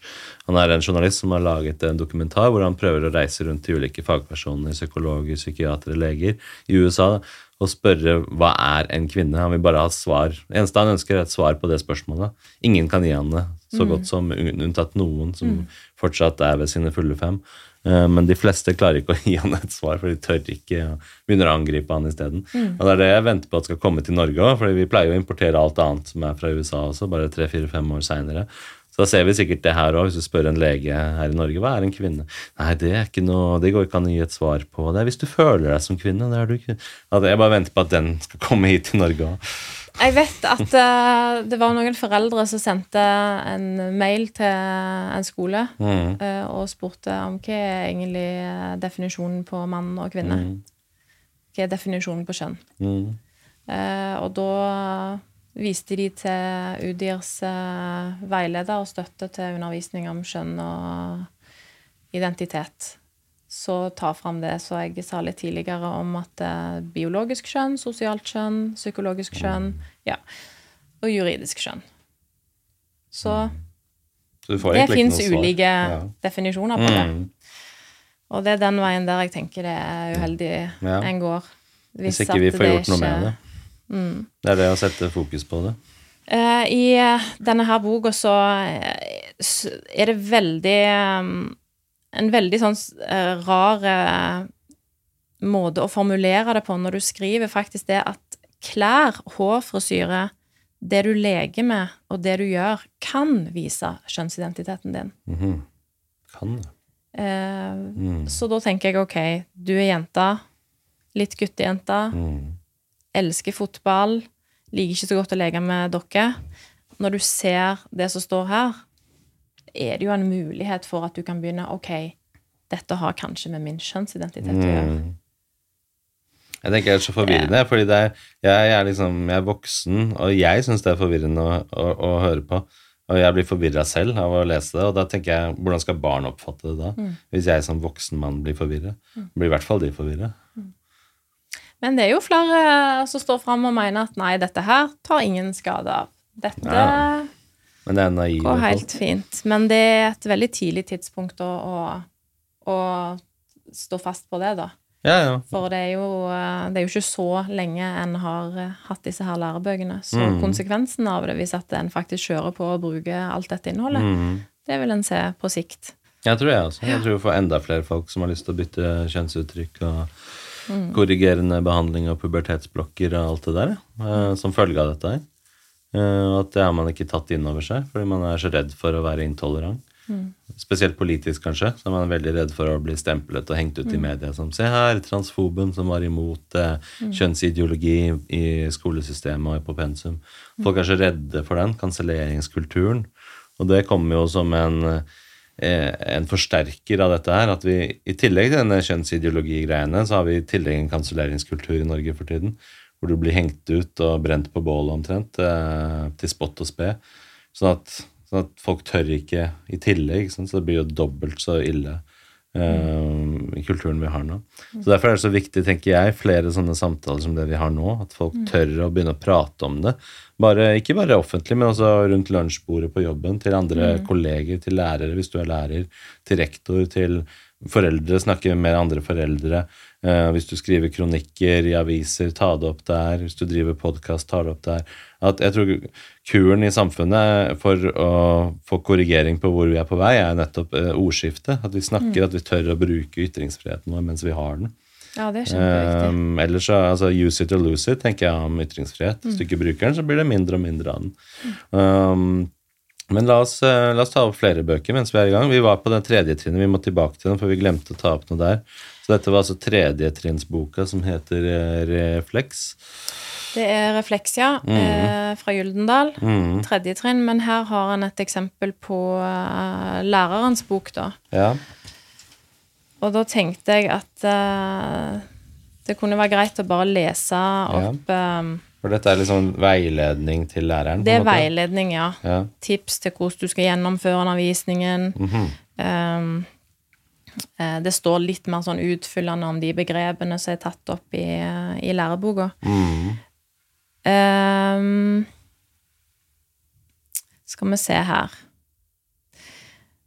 Her står det jo Jeg tror jeg leser hele det avsnittet, jeg. Eh, Det er da om kjønnsidentitet, så her er det litt bakgrunnsstoff Mm til læreren. Mennesker er født med et biologisk kjønn, og ut fra det kategoriseres de gjerne som jente eller gutt. Dette kalles den binære kjønnsmodellen, og er den tradisjonelle i vårt samfunn. Den tredje biologiske kjønnskategorien er tvekjønn eller intersex. Så her hevder en òg at det finnes tre biologiske kjønnskategorier. Det kan bare si med en gang. Det er feil. Det fins ikke. Um, men en, en finner òg eksempler på føringer som blir lagt i, eh, i lærerveiledningen til lærere. Mm. Her står det annet det at i dag er det bred enighet om at det er behov for en bredere definisjon av kjønn enn det den binære kjønnsmodellen representerer. Det er mange som mener at kjønnsidentitet burde være bestemmende for hvilket kjønn man kategoriseres som. Ok. Bred enighet. Hvorfor viser de ikke til noen kilder eller til noen fakta eller til undersøkelser? Eller til... Gjør ikke det, de bare Nei. stadfester det Ja. kategorisk, at det er sånn. Og da lurer jo jeg på hvem som har formulert akkurat Ja, dette. Hvem er forfatterne av dette her? Er det, sånn, er det organisasjonen FRI som er forfattere av disse bøkene nå, eller? Som har fått jobb i Aschehoug og Gyldendal og Eh, Foreningen FRI har i alle fall hatt eh, noen sånne møter med bokforlagene Mm. i forkant av at eh, bøkene har blitt utgitt. Så jeg vet at de har uh, hatt liksom- mulighet til å komme med innspill og sånn. Men jeg kan jo ikke si noe sånn helt konkret Nei. om akkurat eh, hvem som har formulert dette her. Men Mm. jeg har jo sine tanker om uh, uh, hvem som står bak en sånn tankegang, og det er jo veldig tydelig at, at en ønsker å få det gjennom da Eller få gjennom en del sånn politiske saker med måten det er formulert, Mm. at det bør være det som er bestemmende. Ja, ja. Det er den retningen enkelte ønsker å gå. Men det er ikke slik vitenskap fungerer. Det er ikke, altså Vitenskap skal jo være gjenstand for kritikk, og det skal være gjenstand for evidens og for undersøkelser, og, og spesielt eh, vise til kilder. Det lærer jo alle som går på skolen og høyskolen og sånn. Hvis du skal påstå noe, så skal du vise til kilder. Men så bare hopper de bukk over det, og så bare skriver det som om de sitter på den allmenne fasiten. Altså, det er ikke sånn man skriver måte, vitenskapelige ting. Da. Nei. Mm. Nei, så en får håpe at i alle fall uh, at lærere òg er litt kritiske når de leser lærerveiledning, da. Ja, ja. Får håpe det. Og, og når de bruker lærebøker. At Ja. en kan tenke sjøl, og uh, at en er veldig varsom med måten en eh, formidler dette på, når det liksom er pålagt. Det er jo det som er vanskelig oppi det hele òg. At du er pålagt å undervise om det som skole. Du skal gjennom disse kompetansemålene. Men hva skjer, la oss ta den. Hvor stor autonomi har læreren? sånn? Hva skjer hvis du sier at eh, Eller opplever da eh, at det er pålagt deg at det er sånn?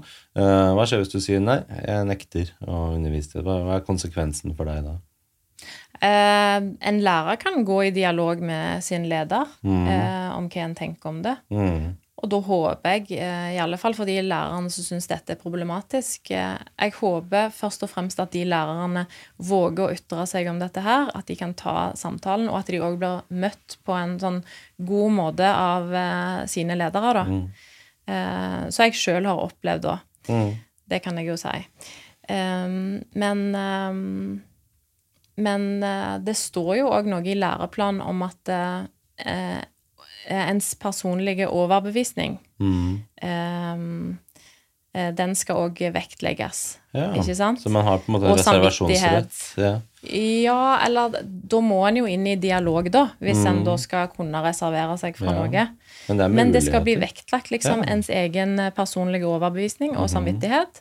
Så da vil jeg gått eh, i dialog med, med ledelsen på skolen mm. og ta opp dette her. Og sette ord på hva som er problematisk. At en tenker at dette her Mhm. Det, kan- det syns jeg ikke blir riktig overfor barn å undervise om dette her. Og da er det jo en mulighet der for å tilrettelegge Mhm. for den læreren. Men hva skjer, overfor, altså hva skjer med rektor eh, på en skole som er blitt pålagt at dette skal dere undervise i, og så sier rektoren på en måte nei til sine overordnede igjen? Hva, hvilke konsekvenser kan det ha for en skole? På en måte At man nekter å ta inn la oss si, disse kapitlene i de bøkene, og så sier altså at det er rektor som tar den avgjørelsen. Da, og sier at nei, Ja. dette skal ikke vi ha noe av på vår skole. Kan, er rektor på en måte, har autonomi til å si det? Ja, jeg tror ikke på samme måte som en lærer ikke er pålagt eh, å bruke disse lærebøkene, så kan en rektor òg Ja. Så man har ganske mye frihet. Men sant, eh, jeg opplever jo på min, min skole òg det at eh, en har en sånn frihet til Mm. å kunne legge opp sin under- undervisning eh, sånn som en ønsker, så lenge en følger læreplanen. Ja. Og det er jo en frihet som jeg syns er, veldig fin, og det handler jo ikke bare om den tematikken, men Nei, andre, men ting, andre ting som en underviser om òg. At en skal ha, en har et sånn handlingsrom, òg i forhold til kompetansemåler, for det er, de er åpne òg for tolkning. Ja. Hva med La oss si du går i dialog med rektor. Da, håper på en sånn imøtekommenhet og positiv dialog, og så, får du, så har du en rektor som er veldig sånn progressiv eller er helt enig med dette her og sier nei, du skal undervise i dette her eh, ordrett, eh, som det står. Eh, men så føler du på din samvittighet at du har ikke lyst til det. Hvilken mulighet har du da, hvis du har rektor imot deg? på en måte? Eh, da kunne en jo tatt opp, eh, i alle fall med tillitsvalgt, da, på skolen. Og hvis en mener at en har eh, blitt behandla på en eh, ugrei måte, og, og så blir det vel å klage litt høyere opp i systemet. Ja. Men det òg Det er liksom ikke bare bare. Nei? For eh, når til og med de som sitter høyest oppe, Mm. sier ja til dette her, Mm. så ser en at det må en politisk endring til. Det må det. Ja. Men til syvende og sist i klasserommet så er det jo du som står der som lærer med elevene. Altså rektor og alle de sitter jo ikke og, og avlytter rommet, liksom. Så du, det er jo til syvende og sist deg selv som velger hva du tar opp, uansett. Da. Uh, så da tenker jeg litt sånn Hvis jeg hadde vært lærer, så hadde jeg bare litt sånn sivil ulydighet. Så bare ja, alle de er imot meg, jeg velger selv. Jeg, jeg har en ansvar for disse elevene her. Uh, og jeg må følge min samvittighet og min overbevisning om hva som er riktig her. For jeg er siste ledd, jeg er siste instans overfor hva elevene faktisk lærer. Alle andre er imot, men jeg mener selv at jeg har moralsk rett på min side til å ikke gjøre dette her. Så jeg tror jeg hadde gjort det uansett. Jeg. Og så hadde jeg sikkert risikert jobben, men hva så? Jeg vil heller eh, leve med min moralske overbevisning om hva som er rett og galt, enn å jobbe og forfekte et syn som jeg ikke tror på. Mm. jeg tror jeg hadde gjort det sånn selv. Det er lett for meg å si, da, som ikke er avhengig av en sånn jobb, men jeg bare tror at jeg hadde tenkt sånn selv. Jeg, og jeg håper virkelig at eh, de lærerne som kjenner det på altså den måten som du beskrev det på nå, at en faktisk eh, i alle fall eh, ikke går på kompromiss med det som en tenker Ja. er rett og galt angående dette her, Mm. men at en faktisk eh, sørger for da at du ikke står og presenterer et syn eller formidler noe til elevene som du tenker ikke vil ha en positiv effekt på sikt. Mm. Og det er jo i tråd med læreplanen, kan en si òg, sant? Men, Men kan man risikere i verste tilfelle liksom, å få sparken for det? Man nekter å, å høre på rektors påbud om hva du skal lære bort, og så kan de si nei, du, du får sparken fra jobben fordi du ikke gjør det vi sier. det er vanskelig å gi et uh, svar på det, for det, det vil tiden vise, tenker jeg. Ja, det er sant. Hvor, uh, Alvorlig det hvor blir. vanskelig dette her vil bli, da. For Du har jo allerede eksempler på det i akademia, i hvert fall. Ja. Anne Kalvig, som kommer til denne podkasten senere i oktober, som tok opp disse type tingene her. fordi hun, hun er ikke lærer, men hun er akademiker og forsker ved religionsvitenskap hun driver med. Og, og tok opp dette her. Jeg, jeg skal ikke si ordrett hva hun sa, men jeg mener å huske at det var noe sånt som at hun nekter å si at en transkvinne er en kvinne, men at man må forholde seg til hvem som er menn og hvem som er kvinner. Det var noe sånt noe. Jeg skal ikke legge ord i munnen på henne, for jeg husker ikke ordrett, men det var innenfor det spekteret der, og da, da føler hun seg eh, på en måte fryst ut av akademia, av universitetet, tror det var i Stavanger, eh, rektor og liksom miljøet der, eh, og føler at hun på en måte blir mobbet og fryst ut, og mister da i praksis jobben um, på grunn av hennes meninger, da. Um, og det er bare ett eksempel, men det virker jo som at dette er så betent tema at det uh, kan bli flere sånne eksempler, da, dessverre. Ja, jeg tror det, altså. Mm. At en vil se det. Mm. Uh, la oss gå videre med bøkene. Vi må ta for oss flere her. Eh, Dette er da Naturfag 4 fra Cappelen Dam. Mm. Uh, og her starter en uh, Her begynner en jo faktisk å ta opp dette her med skjønn først, da. Det var jo ikke tilfellet i den der fra Aschhaug. Der gikk en rett på med skjønnsidentitet. Ja. Og dette er òg et kapittel 'Hvem er jeg?' Mhm. Så det, som jeg nevnte tidligere, er det gjerne i de kapitlene denne tematikken kommer opp. Uh, her skal en lære om eh, hva skjønn er, likheter og forskjeller mellom kjønn, og hva kjønnsidentitet betyr. Um, og så kommer det òg opp en sånn uh, uh, Noe som står helt i introen av kapittelet her, er jo Visste du at meitemarken er tveskjønnet? Den er både han og hun. Den trenger ikke pare seg med en annen mark for å få barn. En kommer jo gjerne opp med litt sånne eksempler fra naturen, Ja, ikke sant? Vi liker det- å bruke sånne Ja, det- kryptiske eksempler Ja. altså for at man skal få sånn inntrykk at dette gjelder mennesker Og. Men det gjør det ikke. For jeg vil bare skyte inn det at hver eneste gang jeg har fått sånne type eksempler fra folk som sier ja, men hva med meitebark, hva med klovnefisk, hva med sånn og sånn, så har jeg spurt hver gang direkte til han Glenn Peter Sætre, evolusjonsbiologen, og spurt han hva er dette for noe, hvordan forholder man seg til det, og så fått det måte avklart med en gang at det har ingenting med mennesker å gjøre. Mennesker er fortsatt to kjønn. Vi har menn og kvinner. eh, og Man definerer det som kvinner har store kjønnsceller, og menn har små kjønnsceller. Derfor er det to kjønn, og det er ingen måte å argumentere seg ut av det på. Det hjelper ikke med alle disse dyreeksemplene. Det har ingenting med det å gjøre. Så det Godt poeng. Du Mhm. kommer der. Eh, hva er kjønn? Mennesker har alltid blitt delt inn i to kjønn, mann og kvinne.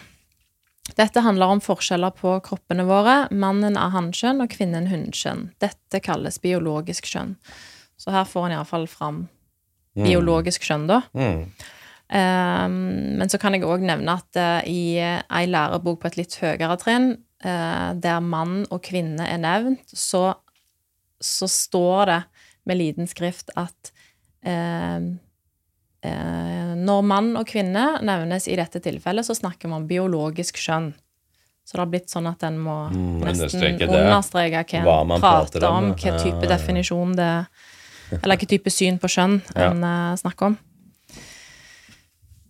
Eh, Når et barn blir født, spør folk ofte om det ble en gutt eller en jente. Spørsmålet handler om at vi kan ha ulike forventninger til hvordan jenter og gutter skal være, og hvordan de skal kle seg og oppføre seg. Både biologisk skjønn og forventninger vi har til oss selv og andre, påvirker hvem vi er. Så allerede der er det en sånn normativ påstand da, om at det er det, vi, det er det det handler om når noen spør om det er gutt eller jente. Ja. Hvilke forventninger Ja, vi har. forventninger. Det er, liksom, det er ikke noe objektivt i det. Det er en subjektiv påstand fra forfatteren av denne boken. Ja. Det er òg en sånn gjenganger. Mm. Så blar vi noen sider her. Og så kommer vi til kjønnsidentitet. Eh, og når eh, eh, For en stund tilbake, når eh, noen bok, eller bokforlagene fikk litt kritikk, det var fra eh, Dette får du bare klippe vekk. Ja, ja. Så må jeg tenke. Jeg lurer på om jeg bare går rett på, så tar jeg det ja heller bare opp eh, det etterpå. Ja. Ok. Da er det kjønnsidentitet. Eh, men i denne læreboka så har som sagt biologisk kjønn eh, blitt tatt først opp, Mm. og så kommer kjønnsidentitet etterpå. Mm. arv og miljø påvirker hvem du blir. Hvilket biologisk kjønn du har, kan også påvirke identiteten din. Identitet handler om hvem du er som menneske, hvilke verdier du har, og hvilke ferdigheter og interesser du har. Identiteten vår påvirkes også av hvilket biologisk kjønn vi har. Kjønnsidentitet handler om samsvar mellom det biologiske kjønnet og det vi føler oss som. Om vi føler oss som jente, gutt, begge deler eller ingen av delene. Vi bruker han eh, om gutter, hun om jenter og hen om personer som føler seg som både jente og gutt eller ingen av delene.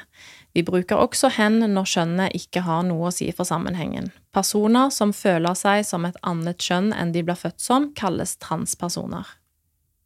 Det er også sånn der eh, Det er ikke sant at vi bruker hen om dem. Det, er sant at noen kanskje gjør det, men det er ikke sant at samfunnet generelt gjør det. Så de sier jo, de sier jo ting som ikke er sant, på en måte, og skal lære bort det til barn. Det, det er ikke riktig. Ja. Og, um, og som sagt, her òg er det jo eh, eh, ideen om født i feil kropp. Mm. Det er jo det som kommer fram eh, Det er jo den ideen som kommer fram når kjønnsidentitet blir nevnt. Mm. For du har eh, Da er det en mulighet der for at eh, kroppen du har, det samsvarer ikke med det skjønnet, så det det psykologiske skjønnet, da. Mm. Det du føler deg som. Mm. En sånn paradoksal ting jeg tenker på med alt dette her, er at det vi egentlig gjør, er jo å snevre inn hva det betyr å være jente og gutt. For før så var det jo motsatt. At du kunne være altså, altså Vi har jo maskulinitet og femininitet, og før så var det mer kanskje toleranse for at noen jenter var mer maskuline og guttete. De likte å stå på skateboard og ha på seg mer guttete klær. Så har man en toleranse for at ja, men hun jenta hun er litt mer guttejente, og det er helt greit. ikke sant? Mens nå så er det paradoksalt nok blitt snudd på hodet. Hvis vi skulle se en jente nå som liker å stå på skateboard og gå i gutteklær, så «Åh, kanskje du er født i feil kropp. Kanskje du må ha pubertetsblokkere. vet Du Du, er, du trenger operasjon og kirurgi. vet du. At det blir, en sånn derre- det blir jo enda snevrere hva en jente skal være, og hva en gutt skal være. Det blir egentlig helt motsatt av den ideologien det de prøver å forfekte. Man har jo, hva, hva skal en jente være da til syvende og sist? Det blir, du må leve innenfor en sånn bitte liten boks da, for hva en jente er, og hvis ikke så trenger du operasjon og medisiner. Ja, det er jo ikke rart at det blir en sånn eh, Kan bli en bekymring eller usikkerhet Ja, ja, rundt det. Når du til og med skriver i ei bok at interessene dine kan være med å vise din Ja, ja, kjønnsidentitet. ja, det så Da må jo jeg begynne å Altså, jeg liker jo litt snekring, jeg. Ja, men det er sant? Så kanskje feil kjønn, det. Ja. Må operere, liksom. At, eh, men også for små barn. ikke sant? At Mm. eh, en jente la oss si åtte år eller ti år liker å stå på skateboard og sånn, og så skal hun lese dette her på skolen, og så begynner hun å tenke ja, men jeg liker egentlig litt sånne guttete ting. jeg. Mm. Og så begynner hun å bli bekymret og Altså, det jeg tenker, Hvilken vei er det dette her går? Tror det kan føre til unødvendig mye grubling hos enkelte. Mm, Uten tvil. mm. Og så her er det et dilemma, da. Ville du vært et annet kjønn et år, eller skiftet kjønn som reka halvveis i livet? Mm. tenker jeg, ja, den skal jo være bare et, sånn, et morsomt dilemma. Ja, ja. Men bare leke litt med tanken på ja, ja. skifte kjønn. De bruker sånne der eksempler der de, der de prøver, eller der de kan, er veldig sånn opportunt å finne sånn Ja, men her har vi noen gode eksempler fra dyreverden som ikke er relevant for mennesker i det hele tatt. Det er ikke samme biologi mennesker har som dypvannsreker eller klovnefisk eller alle de der de tar opp. Det, er, det er ikke overførbart. Eh, Så de liksom lurer inn sånne smarte argumenter. Det er litt sånn derre Det er litt sånn Hva skal jeg kalle det for noe? Det er sånn listig, det Ja, de driver det er et godt ord. Mm. for De prøver å snike inn ting på en litt sånn derre med kløkt, på en måte. Mm. Litt sånn. Men det er noe sånn Det er ikke rent mel i posen på det, da. Fordi det er ikke, det er ikke oppriktig, det er ikke transparent. Det er Mm. og Spesielt overfor barn. Så prøver å snike inn, smugle inn små sånne dryss av sannheter i dyreverden Mm. til å få det til å fremstå som at ja, men hvis det er sant i dyreverden, så må det være sant i menneskeverden òg. Mm. Og, som er på en måte Som kan overbevise folk, da, hvis man ikke holder tunga rett i munnen. Så tenker man at hm, reker kan jo skifte kjønn, og mennesker er også fra denne her samme verden som de. Og, så. og hvis ikke læreren rydder opp i det, da, så blir man jo veldig forvirra.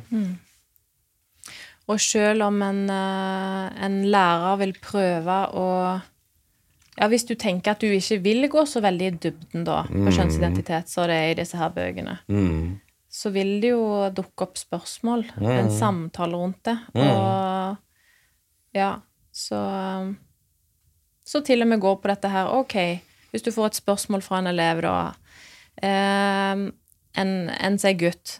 Hvis jeg føler meg som jente, er jeg jente da? Og så må de svare ja. Hva skal, hva skal en lærer svare ja, på det? Ja, det er det. Hva skal en lærer svare på det? La oss gi deg medisiner og pubertetsblokkere.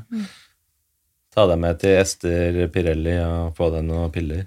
Men da, da er, blir det riktige da at eh, biologisk syn på kjønn Mm. sier at det, den kroppen du er født med, Mm. det er det du er.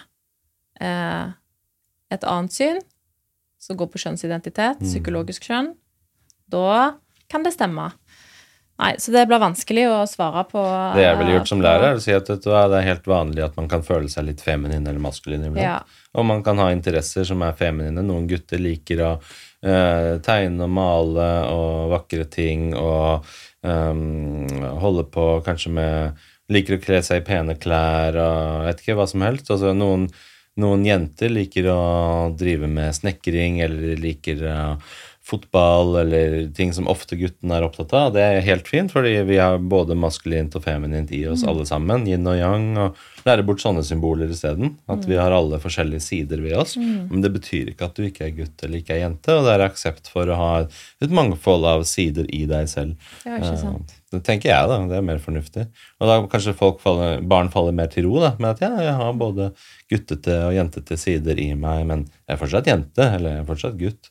Og at det er greit, da. At det ikke bør være en bekymring rundt det. Mm, og det at de kan eh, bli litt forberedt på at eh, når du går inn i puberteten altså Det er ei tid så gjerne er preget av litt usikkerhet, og, Mm. og det òg er, er normalt. Mm. At uh, det kan være litt krevende og utfordrende tid. Mm. Hvilken bok har du funnet Dette er Refleks eh, 7, Mhm. naturfag, fra Gyldendal. Og her får vi jo eh, eh, Møter vi på det begrepet kjønnsmangfold, da, Mm. som ikke fins i læreplanen. Um, og her står det at i menneskearten har vi kjønnsmangfold. Med det mener vi at det fins mange varianter av sosiale roller og kjønnsuttrykk. Kjønnsuttrykk er måten en person viser sin kjønnsidentitet på. Kjønn kan deles inn i ulike grupper og forstås på ulike måter. Snakker vi om kjønnsidentitet, så kan man skille mellom kvinne, mann og ikke-binær. Ikke-binære personer identifiserer seg verken som kvinne eller mann. Derfor snakker vi eh, Dersom vi snakker om biologisk kjønn, snakker vi som regel om de to kjønnene som gjør det mulig å formere seg, hannkjønn og hunnkjønn. Men hva er det som bestemmer hvilket biologisk kjønn vi får? Ehm, og så er det en del her om biologiske hunnkjønn har arve, anlegget XX og kan lage, ja, Mm. eh, XX og XY-kromosomet, en del om det. Um, men i alle fall dette her ehm, begrepet som blir nevnt her da med kjønnsmangfold, Mm. det viser jo til at det finnes eh, uendelige kombinasjoner Mm. av kjønnsuttrykk, kjønnsidentiteter, Mm. som står i kontrast til et eh, binært syn på kjønn. Mm. Og her òg så vi jo det at eh, det, nevnes tre biologiske kjønn. Mm. Mm. Vi se hva mer vi har her. Og det er jo tatt opp i samfunnet om de skal gjøre det juridisk og innføre tredje kjønn, og du kan ha det på passet ditt. Og, Ja. mm. Og så eh, Dette vil jeg gjerne òg Mm. lese opp. Eh, Her òg er det om kjønn. Det er litt tidligere i kapittelet. Kjønn er mer enn hun og han. Så bare overskriften viser jo at kjønn, det er noe mer enn eh, biologi. Eh, hittil har vi beskrevet kjønn på en veldig forenklet måte, nemlig at vi trenger to ulike kjønn for å få til kjønnet formering og variasjon som følge av det. Men kjønn er mye mer komplisert enn bare hun og han. Da sitter jo jeg igjen med at eh, vi vet at for, for enkelte så er det mye mer komplisert. Og det skal en ha stor forståelse for. Og, og en må gjøre det en kan, både som foreldre og som lærer og de som omgås de barna, en ivaretar de, selvfølgelig. Eh, Men det å formulere det på denne måten, så tenker jeg ok, da ble det plutselig komplisert for veldig mange. For altfor mange. Og du kan si at selv de barna som skulle slite med dette, hva de identifiserer seg som, de, selv de er jo blitt til ved hjelp av kjønnet formering. På Ellers hadde det ikke eksistert. De har blitt til ved hjelp av et binært system hvor en med store kjønnsceller og en med små kjønnsceller, såkalt mann og kvinne, har skapt et nytt individ ved hjelp av kjønnet formering. Altså, det er ikke noen annen måte de har blitt skapt på. Så det er, på en måte, det er en fasit der. Ikke alt er oppe for debatt, liksom. Ikke alt i verden er relativistisk og hvordan du velger å se på det selv. Det finnes en fasit, og det er Sånn ble de skapt. Punktum. Mm. Og kunne en ennå bare kom tilbake igjen til det, da, at eh, det er det fasitsvaret vi som undervisere òg kan eh, Mm. vise til. Ja. Men det fins personer med kjønnsinkongruens, ikke sant? Eh, og så er det en overskrift her i samme bok. Kjønn er mer enn kropp. Eh, Kjønn har utviklet seg i naturen fordi det er lurt å lage avkom med mange forskjellige egenskaper, men for oss mennesker betyr skjønn mye mer. Det har mye å si for identiteten vår. Og så står det biologisk kjønn, spørsmålstegn, sosialt kjønn, spørsmålstegn. For å forstå hva kjønn er, og hvordan vi tenker om forskjeller på kjønn, kan det være nyttig å skille mellom biologisk og sosialt kjønn. Biologisk kjønn handler om kroppene våre, om kjønnsorganer, hormoner og arvestoff. Med sosialt kjønn mener vi det kjønnet som andre oppfatter deg som. Det handler om hvordan vi oppfører oss, hvordan vi kler oss, og hvilke forventninger som stilles til kjønn i samfunnet. Det kan være vanskelig å finne ut hvilket kjønn du er. Det er en ny overskrift.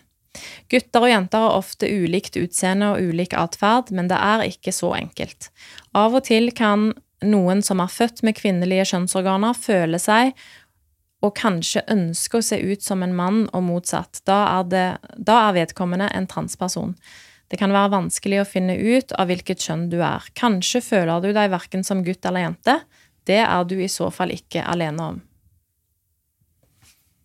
Det som er farlig med dette her òg, jeg bare kommer på ting mens du leser, er jo at små barn de liker jo å tulle med å, at gutter tar på seg kjole, og jenter tar på seg gutteklær, og tar på seg voksne sine klær. og mm. De liker jo å tulle med identiteter. Og jeg har jo en datter på to år også straks, og hun går jo rundt og later som hun er en hund. Det betyr jo ikke at jeg skal bekrefte overfor henne at vet du hva, hvis du føler deg som en hund, så er du egentlig en hund. Mm. Eller motsatt, hvis hun, hvis hun, kler seg ut som en gutt, så skal ikke jeg bygge opp under at hun er en gutt. Mm. Altså Det er jo normal ting som barn gjør. De leker med ulike roller i samfunnet. Leker med ulike roller de ser andre har, for mm. å utvikle sin egen identitet. Det betyr jo ikke at de er de rollene de leker at de er. Nei. Mens her får du presentert at du kan Eh, ikke bare med å kle deg ut, men du Ja, det er jo så mye mer alvorlig enn bare å gå inn i en rolle. Du, du får presentert at du kan bestemme sjøl mm. hva skjønn du har lyst til å være. Helt ut ifra dine egne følelser mm. og din egen opplevelse. Eh, så er det et, eh, en overskrift, ny overskrift her. Kjønnsidentitet handler om hva du føler. Skjønn er en opplevelse hver av oss har. En person som har livmor, trenger ikke føle seg som ei jente eller kvinne, og en person som har penis, føler seg ikke alltid som en gutt eller mann. Dette handler om hvilket skjønn man oppfatter seg som. Det er kun én person som definerer skjønnet ditt, og det er du selv. En persons kjønnsidentitet er en personlig opplevelse av om man er gutt eller jente, mann eller kvinne, ingen av delene, begge deler eller noe annet å ikke gjenkjenne seg som jente eller gutt, eller føle seg som begge deler, kalles å være ikke-binær. Mm. Så det er jo utrolig mange eh, begreper som etter hvert blir presentert. Mm. For eh, dette er jo Vi er fremdeles på barnetrinnet, syvende trinn. Og her kommer jo disse her eh, ulike syner på kjønn fram òg, veldig tydelig gjennom biologisk kjønn, sosialt kjønn. Eh, I dette kapittelet står det sikkert noe om juridisk òg, og så har du kjønnsidentitet som er det samme som psykologisk kjønn. Um, mm. Det blir jo en litt sånn Og så skal sånn... du klare å finne deg sjøl i dette. Ja, ja, ja. Hva er det egentlig jeg føler? Det føles som at det skal være så avansert og komplisert bare for å være avansert og komplisert. At det er en sånn der, intensjon med det med vilje, for da blir det vanskeligere å angripe det òg. Hvis det blir så avansert at det er nesten sånn Uansett hvordan han argumenterer mot det da, så blir det sånn Ja, men du har ikke forstått det. Den begrepsbruken du bruker, det er ikke riktig. fordi når du sier Altså, de er på en måte de har, Sånn som vi er inne på definisjonsmakten, så de har mm. skapt alle disse begrepene. Mm. Så det er de som eier dem, og så hvis ikke du har lært deg dem, så, så har ikke du rett uansett, for du har ikke forstått. Så de sitter liksom på en sånn derre på toppen av en pyramide ja. og har definert alle begrepene, og så og så bare bestemmer de at dette er fakta nå, og hvis ikke du har lært deg de, så har ikke du fulgt med i timen. på en måte. Ja. Det er litt sånn Det er bare skapt et helt nytt språk. Det er et nytt språk, ja. Mm. Eh, så en skal lære opp eh, de minste i. Mm. Og gjennom språket, så det er jo sånn en òg opplever verden. Mm. Så virkeligheten kan jo etter hvert eh, oppleves på en helt annen måte mm. når du innfører ja, ja. dette. Og når man innfører et helt nytt språk, burde ikke det vært veldig sånn ettergått nøye i sømmene, liksom, hvis man skal tillate det. At nå skal vi gi et helt nytt språk til alle barneskole- og ungdomsskoleelever. Burde ikke det vært sånn ekstremt nøye gjennomgått og vektes hit og dit og på høring hit og dit og mm. før man i det hele tatt innfører det?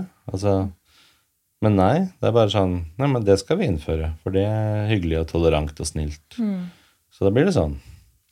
Men bare dette her med det begrepet cis mm. Vet ikke om du definerer deg som cis. Ja, nå er det blitt sånn at cis. Hvis du er heterofil, så er du cis-mann. Mm, og det er jo òg eh, Så tullete. Altså. Ja, fordi at eh, en ønsker å innføre det, for da er det mm. kjønnsidentiteten som er det bestemmende for hvem du er. Mm. For da Så jeg, eh, jeg kaller meg kvinne, jeg. Jeg er Ja, ikke cis. Ja, altså, jeg er mann. Ja. Cis er bare sånn tullete greier. Så, som om liksom kjønnet ditt og seksualiteten din er det primære med deg som menneske. At det er det aller viktigste ved deg. Er liksom hvilket kjønn og hvilken eh, seksuell orientering du har. At det er det eneste som er viktig. Det er det primære. Og det er liksom blitt sånn at det, først så må du si dine pronomen. Det er en sånn kultur på Hei, jeg heter sånn og sånn, mine pronomen er Det er blitt sånn i USA, ikke sant? At det, er- det er sånn man introduserer seg selv. Så jeg håper ikke vi kommer dit i Norge. Nei. Um, nå kom jeg opp på ei side der det er noe som jeg òg har skrevet om eh, i en artikkel for litt siden. For det du òg ser, er at eh, en blir anbefalt å oppsøke ulike nettsider for å lære mer om, sant? Så da har du ung.no, som er en offentlig informasjonskanal for eh, ungdom. Mm. Eh, den er nevnt eh, ja, utallige steder i lærebøkene. Og så er det Skeiv Ungdom, Foreningen FRI, Sex og Samfunn, ichatten.no. Av disse da, så er det, eh, nevnte jeg eh, ung.no i en artikkel som jeg skrev, som òg gikk på kjønnsbekreftende behandling, og liksom hva retning er det vi påvirker Mm. barn eh, og unge i Mm. gjennom undervisningen i skolen nå. Og fordi at jeg ser at det er mangel på kritisk tenkning eh, rundt denne her tematikken. Og så ser en òg, eh, hvis du går til ung.no, så har jeg vært inne der og titta litt. De med kjønnsidentitetsproblematikk, så, så ta kontakt der. Gjerne i første møte med en, eh, en sexolog, for eksempel. For det er gjerne sexolog òg som svarer der. Så, så kan hvis det er en ungdom da som sier hei, jeg er jente, men jeg har vært litt usikker den siste tida på om jeg egentlig er gutt. Jeg liker helst å gå i gutteklær og bla, bla, bla. bla. Det er mange utallige eksempler. Veldig mange som henvender seg her. Mm. Så kan du da i, i første møte med dette barnet, som stiller det spørsmålet, så kan til og med hormonet og kjønnsbekreftende behandling bli nevnt i altså første svaret til dette her barnet Wow. at det kan bli en løsning på sikt. Og ikke det at den sier at det er det riktige for deg, men det blir nevnt som et alternativ. Og det er alvorlig. Tenker ja. Du har ikke barnet foran deg. Det, det barnet henvender seg og er forvirra og henvender seg til deg første gang, og du, du nevner det som en framtidig mulighet. Hva slags personer er det som svarer med dette? Er det leger og sånt, eller hvem er disse som Jeg tror Det er i alle fall eh, sexologer, Mm. eh, noen helsesykepleiere. Ja. Men sant, du finner noen svar. Det er ikke sånn at jeg skal svartmale det Mm. helt. Noen eh, Det er ikke alle som svarer sånn, men jeg har funnet utrolig mange ja, ja. Så bare nevne det. For det er jo til barn, liksom. Til og det er på en måte du, Uansett så fjerndiagnostiserer man jo ingen. Man må jo møte personen først. og jeg tenker seksolog, Man kan bli så forvirret av den tittelen der. Fordi Mm. Før så pleide det å bety klinisk sexolog. Det betyr at du var som jeg forstod, forstått det, psykolog først med etterutdanning. At du har liksom tung, evidensbasert bakgrunn for å kalle deg det. Mens nå er jo sexolog omtrent et helgekurs. liksom. Altså De tar noe sånn privat utdanning på et par år, eller sånn. og så er du liksom sexolog, og så fremstår det som om du har veldig tung kunnskap, men det har de jo ikke.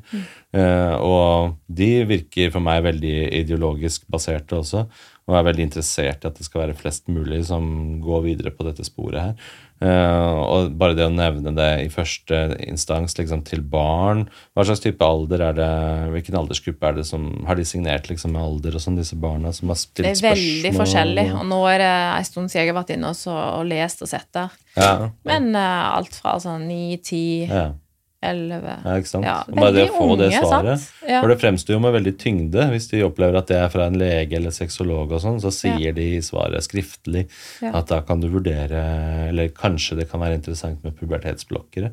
Det må jo gjøre et veldig sterkt inntrykk på barn å lese noe sånt. Mm. Det vil du gjøre for voksne òg, hvis en fagperson sier det til deg. Mm. Så hvis du går til legen din, og så sier legen i første møte vet du hva, vi skal kanskje ikke sier ikke at de skal gjøre det nå, men kanskje vi skal vurdere medisiner på sikt, så vil du jo som voksen tenke det òg. Det er det den konklusjonen du trekker da. Mm. I hvert fall som barn. Og så er jo dette òg altså et nettsted som det står om i lærebøkene. Mm. Og det fins òg noen eksempler på at eh, en skal oppsøke disse nettsidene, gjerne som en oppgave, da. Mm. Søk opp noe du ønsker å lære mer om. Sant? Så da er det jo unge, barn og elevene på nett. En vet ikke hva, helt hva de kommer over.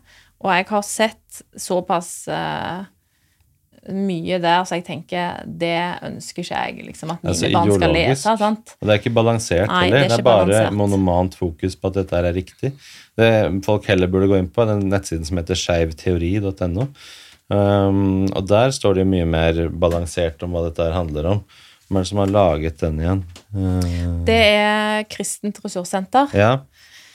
Og Den der er- finner en uh, veldig mange sånne konkrete eksempler på hva som finnes i lærebøkene. ja, sant. Den eh, Skeivteori.no. Sjekk anbefaler jeg å gå og ta en eh, titt på. Mm. For der er jo en del av det som jeg har Ja. lest opp her òg. Mm. Vi tar for oss de siste bøkene her også. Vi var jo inne på eh, dette her med at det er en del eh, transpersoner som er nevnt i, eh, i lærebøkene, som Mm. står fram med sine historier. Mm. Ikke så mange forskjellige, men de som i alle fall er nevnt. Da Dette er boka Refleks fra Dette er Refleks eh, 7, samfunnsfag fra Gyldendal. mm. Og her er det et eksempel da på, eh, på en transperson som står fram med sin historie, Emma Ellingsen. Emma Ellingsen ble født i 2001. Da fikk hun navnet Tobias. Men Tobias følte seg ikke som gutt, men som jente. Da Emma gikk i fjerde klasse, forandret hun navn fra Tobias til Emma. De som kjente Emma, ble ikke så overrasket. Selv om de mente det var en gutt som ble født, hadde Emma helt fra hun var liten forstått at hun egentlig var jente. Hun ville ha jenteklær og var mer interessert i leker som det er mest vanlig at jenter leker med. Emma er en transperson. Å være transperson betyr at det skjønnet man blir tildelt ved fødselen, ikke er det samme skjønnet som man opplever seg som. Da Emma var 13 år, var hun med i en TV-serie som het Født i feil kropp. Sammen med flere andre jenter og gutter. Senere har hun hatt en egen blogg og YouTube-kanal, og hun har vært med i flere TV-programmer hvor hun har fortalt om sin oppvekst og sine opplevelser. Emma har vært med på å gjøre det lettere for andre i samme situasjon å være åpen om hvordan de har det, og hvem de er. Så her er det jo nevnt eh, en eh, transperson som får fram sin eh, historie. Eh, og så er det jo eh, Så er det jo sånn som vi snakket om i stad, at det er et økt fokus på, på denne her tematikken. Og når en vet at dette kan være med å påvirke barn og unge Mm. i feil retning, Mm. så tenker jeg for det første må du tenke over skal, skal det innholdet være i ei barneskolebok. Mm. Eh, det er det ene, Mm. så jeg er veldig kritisk til. ja, Å formidle det til barn i det hele tatt. Eh, men så er det òg det at mangelen på de andre historiene. Ja. Du har eh, henvisninger du finner til Født i feil kropp, så er denne her eh, serien som Emma Ellingsen er med i. Du har liksom ikke noen henvisninger til noen ting som har med angrere å gjøre, Mm. der du får et kritisk syn på dette med kjønnsbekreftende behandling. Og hvorfor ikke det, tror du? Hvorfor har du ikke tatt med det? Jeg tror at det er enkelte som har hatt for stor eh, påvirkningskraft eh, til hva en ønsker å ha med i lærebøkene. Tenker det ligger bak. Og eh, hvis du hadde fått fram historien til en angrer, så hadde det vel blitt eh, sterke reaksjoner, regner jeg med. Men de historiene må fram, for de kommer jo opp. Og jeg, eh, jeg tror dessverre at vi vil eh, se flere som han Alexander. Fordi det jeg tenker er hvis, hvis man har barnets beste som den primære verdien og fokus i dette her, Ja. så vil man jo eh, at barn skal ha det godt, liksom, og ta riktige valg for livet sitt. Og da vil man jo gjerne typisk nyansere bildet og si at noen kan ha godt av dette, de aller fleste vil ikke ha godt av dette. Hvis det blir altfor mange og overbehandling av dette her. Altså man kan samtidig si at det der kan være riktig behandling for noen ytterst få. Veldig, veldig, veldig veldig forsvinnende små, eh, liten andel i, i samfunnet som kanskje på ekte da opplever å være i feil kropp, og hvor det er riktig med behandling. ikke sant? Eh, Men det aller største flertallet er født i den kroppen som de er ment å være i. Eh, og da er det ikke riktig å male et sånt bilde og slå det opp så stort i en lærebok det blir uproporsjonalt. Det, blir, det fremstår som om dette gjelder omtrent halvparten av alle barn født eh, hvert år. liksom. At du, du får et sånt bilde av det, og det gjelder jo ikke i det hele tatt. Det er en forsvinnende liten promille som egentlig dette gjelder, bortsett fra de seneste årene hvor dette er skutt i taket, hvor alle skal drive og ha kjønnskorrigerende behandling. Mens tidligere så har det jo ligget og vaket på en viss sånn promille av samfunnet, ikke sant? men der har det vært hele tiden.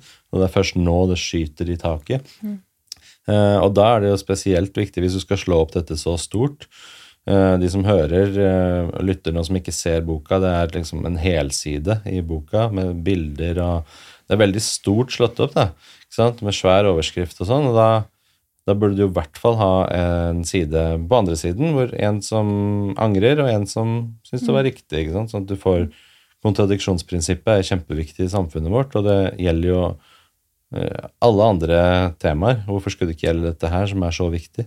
Da må du jo få de ulike synspunktene på dette her. Um, og jeg tenker at i hvert fall når det blir slått opp så stort, da, det er ikke engang en liksom liten notis eller noe sånt, det er en diger helside um, hvor uh, dette blir pratet om i bare positive ordelag. Da. Og det er samtidig må jeg si det, det er ikke noe negativt mot henne, Emma Ellingsen, eller noe som helst sånn. Og jeg, jeg fornekter ikke på noen som helst måte at uh, transpersoner fins, eller at folk kan oppleve på ekte å være i feil uh, kropp, og at det iblant kan være til og med riktig med behandling for dem som sliter.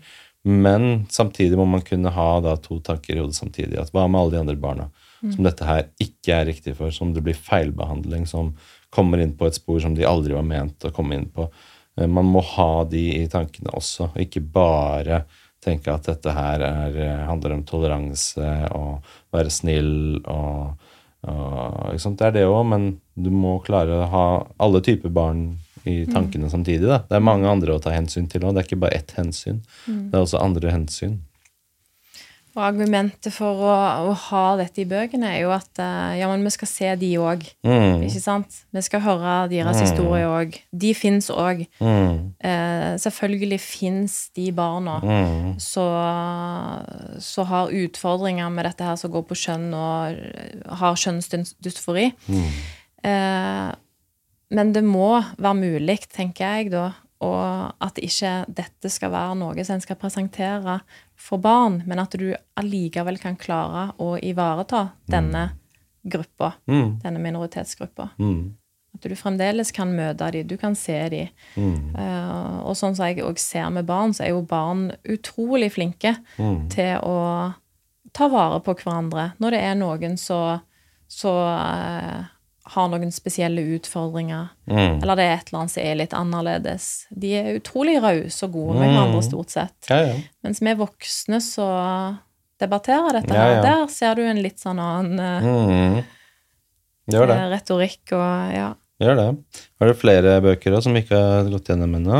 Ta de helt uh, på Og vi har gått gjennom det Der har vi en åttende trinn. Det er ei ungdomsskolebok her, Arena 8, Mm. så er, er fra Aschhaug. Mm. Og her er òg et eksempel da på en transpersons historie. Eh, kjønnsidentitet. Eh, der det òg er Emma som blir eh, nevnt.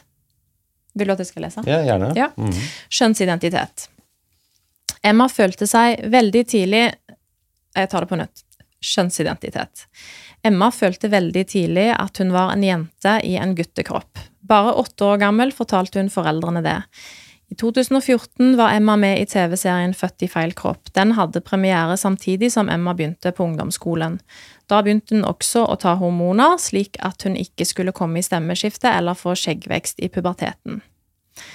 For noen av oss henger kjønn og identitet veldig tett sammen, men mens det for andre ikke er like viktig. Hvordan er det for deg? Er du først og fremst et menneske, eller er du først og fremst kjønnet ditt? Ja. Um, og her i denne her historien òg, så altså, du nevner jo hormonet, ikke sant? Ja. Uh, det kommer jo fram. Emmas historie viser at det skjønnet vi har når vi blir født, ikke trenger å være det skjønnet vi føler oss som. De personlige Oppfatningene du har av hvilket kjønn du er, kaller vi for kjønnsidentitet. Personer som helt eller delvis identifiserer seg med noe annet enn det kjønnet de fikk ved fødselen, kalles transpersoner. Det er en samlebetegnelse for mange forskjellige kjønnsidentiteter og kjønnsuttrykk. For eksempel kan noen av oss oppleve seg som både mann og kvinne, eller som et kjønn helt utenfor tokjønnsnormen. Tokjønnsnormen er ideen om at det finnes to kjønn, mann og kvinne. Normen kan føre til at personer med andre kjønnsidentiteter, f.eks. transpersoner, blir snakket lite om, og eller at de blir sett på som noe annerledes og rart, og kilden her til det siste jeg leste, om tokjønnsnormen, så er ideen om at det finnes to kjønn. Kilden er fra skeivungdom.no. Det der er som å si at eh, fordi det, mennesker har fordi vi har en norm om at uh, mennesker har ti fingre, så kan det føre til at vi snakker negativt om mennesker med ni fingre. på en måte. Mm. Det er jo ikke sant. altså det, Vi mennesker har to kjønn, vi er mann og kvinne. Jeg har aldri snakket negativt om noen som er utenfor dem, bare fordi vi har en norm om at det fins mann og mm. kvinne. Mm. Vi kan ikke bytte hele vitenskapen vår ut fordi noen faller utenfor. Vi må fortsatt kunne ha en standard og en norm på mm. hva, hva, som er ekte, hva som er sant. Mm. Uh, selv om det fins folk som dessverre faller utenfor. Ja. Uh, og um, og så er det jo sånn at uh, Det kommer jo i hvert fall fram her da at Som du òg sa nå, at det er denne frykten for at de ikke skal bli inkludert eller være en del av fellesskapet, fordi at en ikke tar dette her med. Mm. Eh, det er jo ikke sånn at hvis en hadde fjerna dette her fra lærebøkene, eh, at eh, en ikke hadde åpna opp for en samtale som Nei. kom opp i klassen. Ikke det. det, det tar en jo ikke, men det er det liksom hvor, hvor i dybden skal en gå på dette her eh, som har med kjønnsidentitet å gjøre. Og, å tenke rett og slett kritisk over alt annet som kommer opp som følge av at det ene begrepet har kommet inn. Mm. Så mennesker har to bein, på en måte. Vi aksepterer barn som er født uten ben for det. Vi mm. bør ikke bytte ut forståelsen vår av hva et menneske er, allikevel. Det kan fortsatt være inkludert, selv om vi sier at mennesker er på en viss måte når man er født. Eh, det går an å ha et faktabasert grunnlag for hvordan vi forstår verden, mm. selv om noen skulle falle utenfor den, den, den normen, eller den den måten å være på. Mm. Men um, jeg tenker, jeg pleier å spørre alle gjestene mine på slutten liksom, hva du tenker er Hva tenker du er maskulinitet og femininitet? Hva er det for noe? Ja, hva er det? Uh, maskulinitet uh, Jeg vil iallfall ikke låse det til å være liksom uh, den bestemte tingen. Mm. Men jeg mm. tenker jo at det å ta vare på, beskytte, det tenker jeg liksom som noe maskulint. Eh, og det trenger liksom ikke ha noe med klesstil nødvendigvis. Mm. Selvfølgelig selv om en har tanker om at det er maskulint, det er feminint. Eh, og det feminine eh, Der òg er det jo kanskje det med å ha omsorg. Eh, som en gjerne ser da hos eh, en mamma. Mm det å ta vare på for eksempel eh, et barn, da. Um, ja. Mm. Hva tenker du er gode liksom, maskuline egenskaper for unge gutter og menn å se opp til? For det føler jeg at vi mangler i samfunnet i dag. Det er noe jeg har tatt opp mange ganger på denne poden her. fordi det, mm. da, da, I det vakuumet da, at vi mangler det, så vokser det frem i stedet sånne negative, giftige rollemodeller som Andrew Tate? Som, mm. som, egentlig ikke er noe å se opp til i det hele tatt. Hva, hva tenker du mm. er på en måte um, en god uh, gode maskuline mannlige egenskaper for unge gutter og menn å se opp til? Ja, da tenker jeg at iallfall uh eh, litt i sånn eh, Med tanke på det vi har snakket om nå, da, eh, så lever vi jo i ei tid der det er Det er eh, kanselleringskultur, sant. Eh, ting en helst ikke skal prate høyt om. Jeg tenker det vil være eh, godt å se opp til noen som faktisk våger å, å si meningene sine. Mm. Kan stå opp for det som en tror på. Eh, en ser jo at eh, sånne undersøkelser viser at uh, unge i dag våger jo ikke si meningen sin. Mm. Men det å våge å ta et standpunkt og være åpen om det, og på den måten òg vise retning for andre Mm. mm. Ja, det er fint. Hva med tilsvarende? Hva tenker du er gode feminine egenskaper, kvinnelige rollemodeller og ehm, tilsvarende, liksom? Jeg tenker jo egentlig eh, det samme blir veldig viktig eh, der, da. Mm. At, eh, at kvinner òg våger å, å, å tale høyt Mm. om, eh, om sine meninger. Mm. Um, og så prøve å ikke liksom Det er lett, veldig lett å la seg For jeg, altså jeg er jo eh, kvinne sjøl, og det er lett å eh, Det hadde vært en fristelse, for eksempel, å, å ikke sagt noe om Mm. om det som opptar meg nå. For en vet jo at det, det er en pris å betale for å stå opp for meningene sine. Eh, men det å faktisk òg bare være sterk eh, i både meningene og det en eh, Å kjempe for det som du tror på, og det som er rett og sant, rett og slett. Hva er det som er viktige verdier for deg i livet ditt? Noe har kanskje kommet litt tydelig fram da nå. Det For meg så er jo eh, nestekjærlighet en veldig viktig ting. Um, og både på jobben, eh, hjemme Altså vise at du bryr deg om de du har rundt deg. Um, og dette her med sannhet, eh, å stå opp for det som er sant, det er veldig viktig for meg. Altså når jeg opplever eller ser urett, så, så, så kjenner jeg liksom at da må, en, da må en si noe. Da må en gjøre noe. Da må en handle. Så i alle fall eh, de to tinga der er veldig viktig for meg Mm. og i jobben. Mm. Det tror jeg burde være viktig for mange flere også. Å stå opp for sannhet og stå opp for nestekjærlighet. Man kommer langt med de to verdiene der. Mm. Men du Miriam, tusen takk for at du var med her i dag. Veldig hyggelig og spennende og interessant å snakke med deg om disse temaene. Og så modiggjort av deg å, å ta opp dette her. For det er som du sier, det er jo selvfølgelig en pris å betale. Mange vegrer seg for det, men jeg tenker derfor Tvert imot, jo desto viktigere er det å ta det opp, fordi du bidrar også til å skape en kultur hvor folk kanskje i enda større grad tør å ta det opp, jo flere som snakker om det. Eh, Og jo flere som snakker om det, jo mer kommer det på ordskiftet, offentlig ordskifte, og jo mer kan man bidra til å løfte dette frem og få det frem i lyset, og, og derfor også kanskje komme frem til en bedre sannhet og mer innsikt om hva som er riktig i forhold til våre barn og unge i samfunnet generelt. Så tusen takk for at du var med i dag, og takk til alle dere lyttere og seere som har sett på og hørt på i dag. Og tusen takk for at jeg fikk komme. Veldig interessant og hyggelig prat. Takk.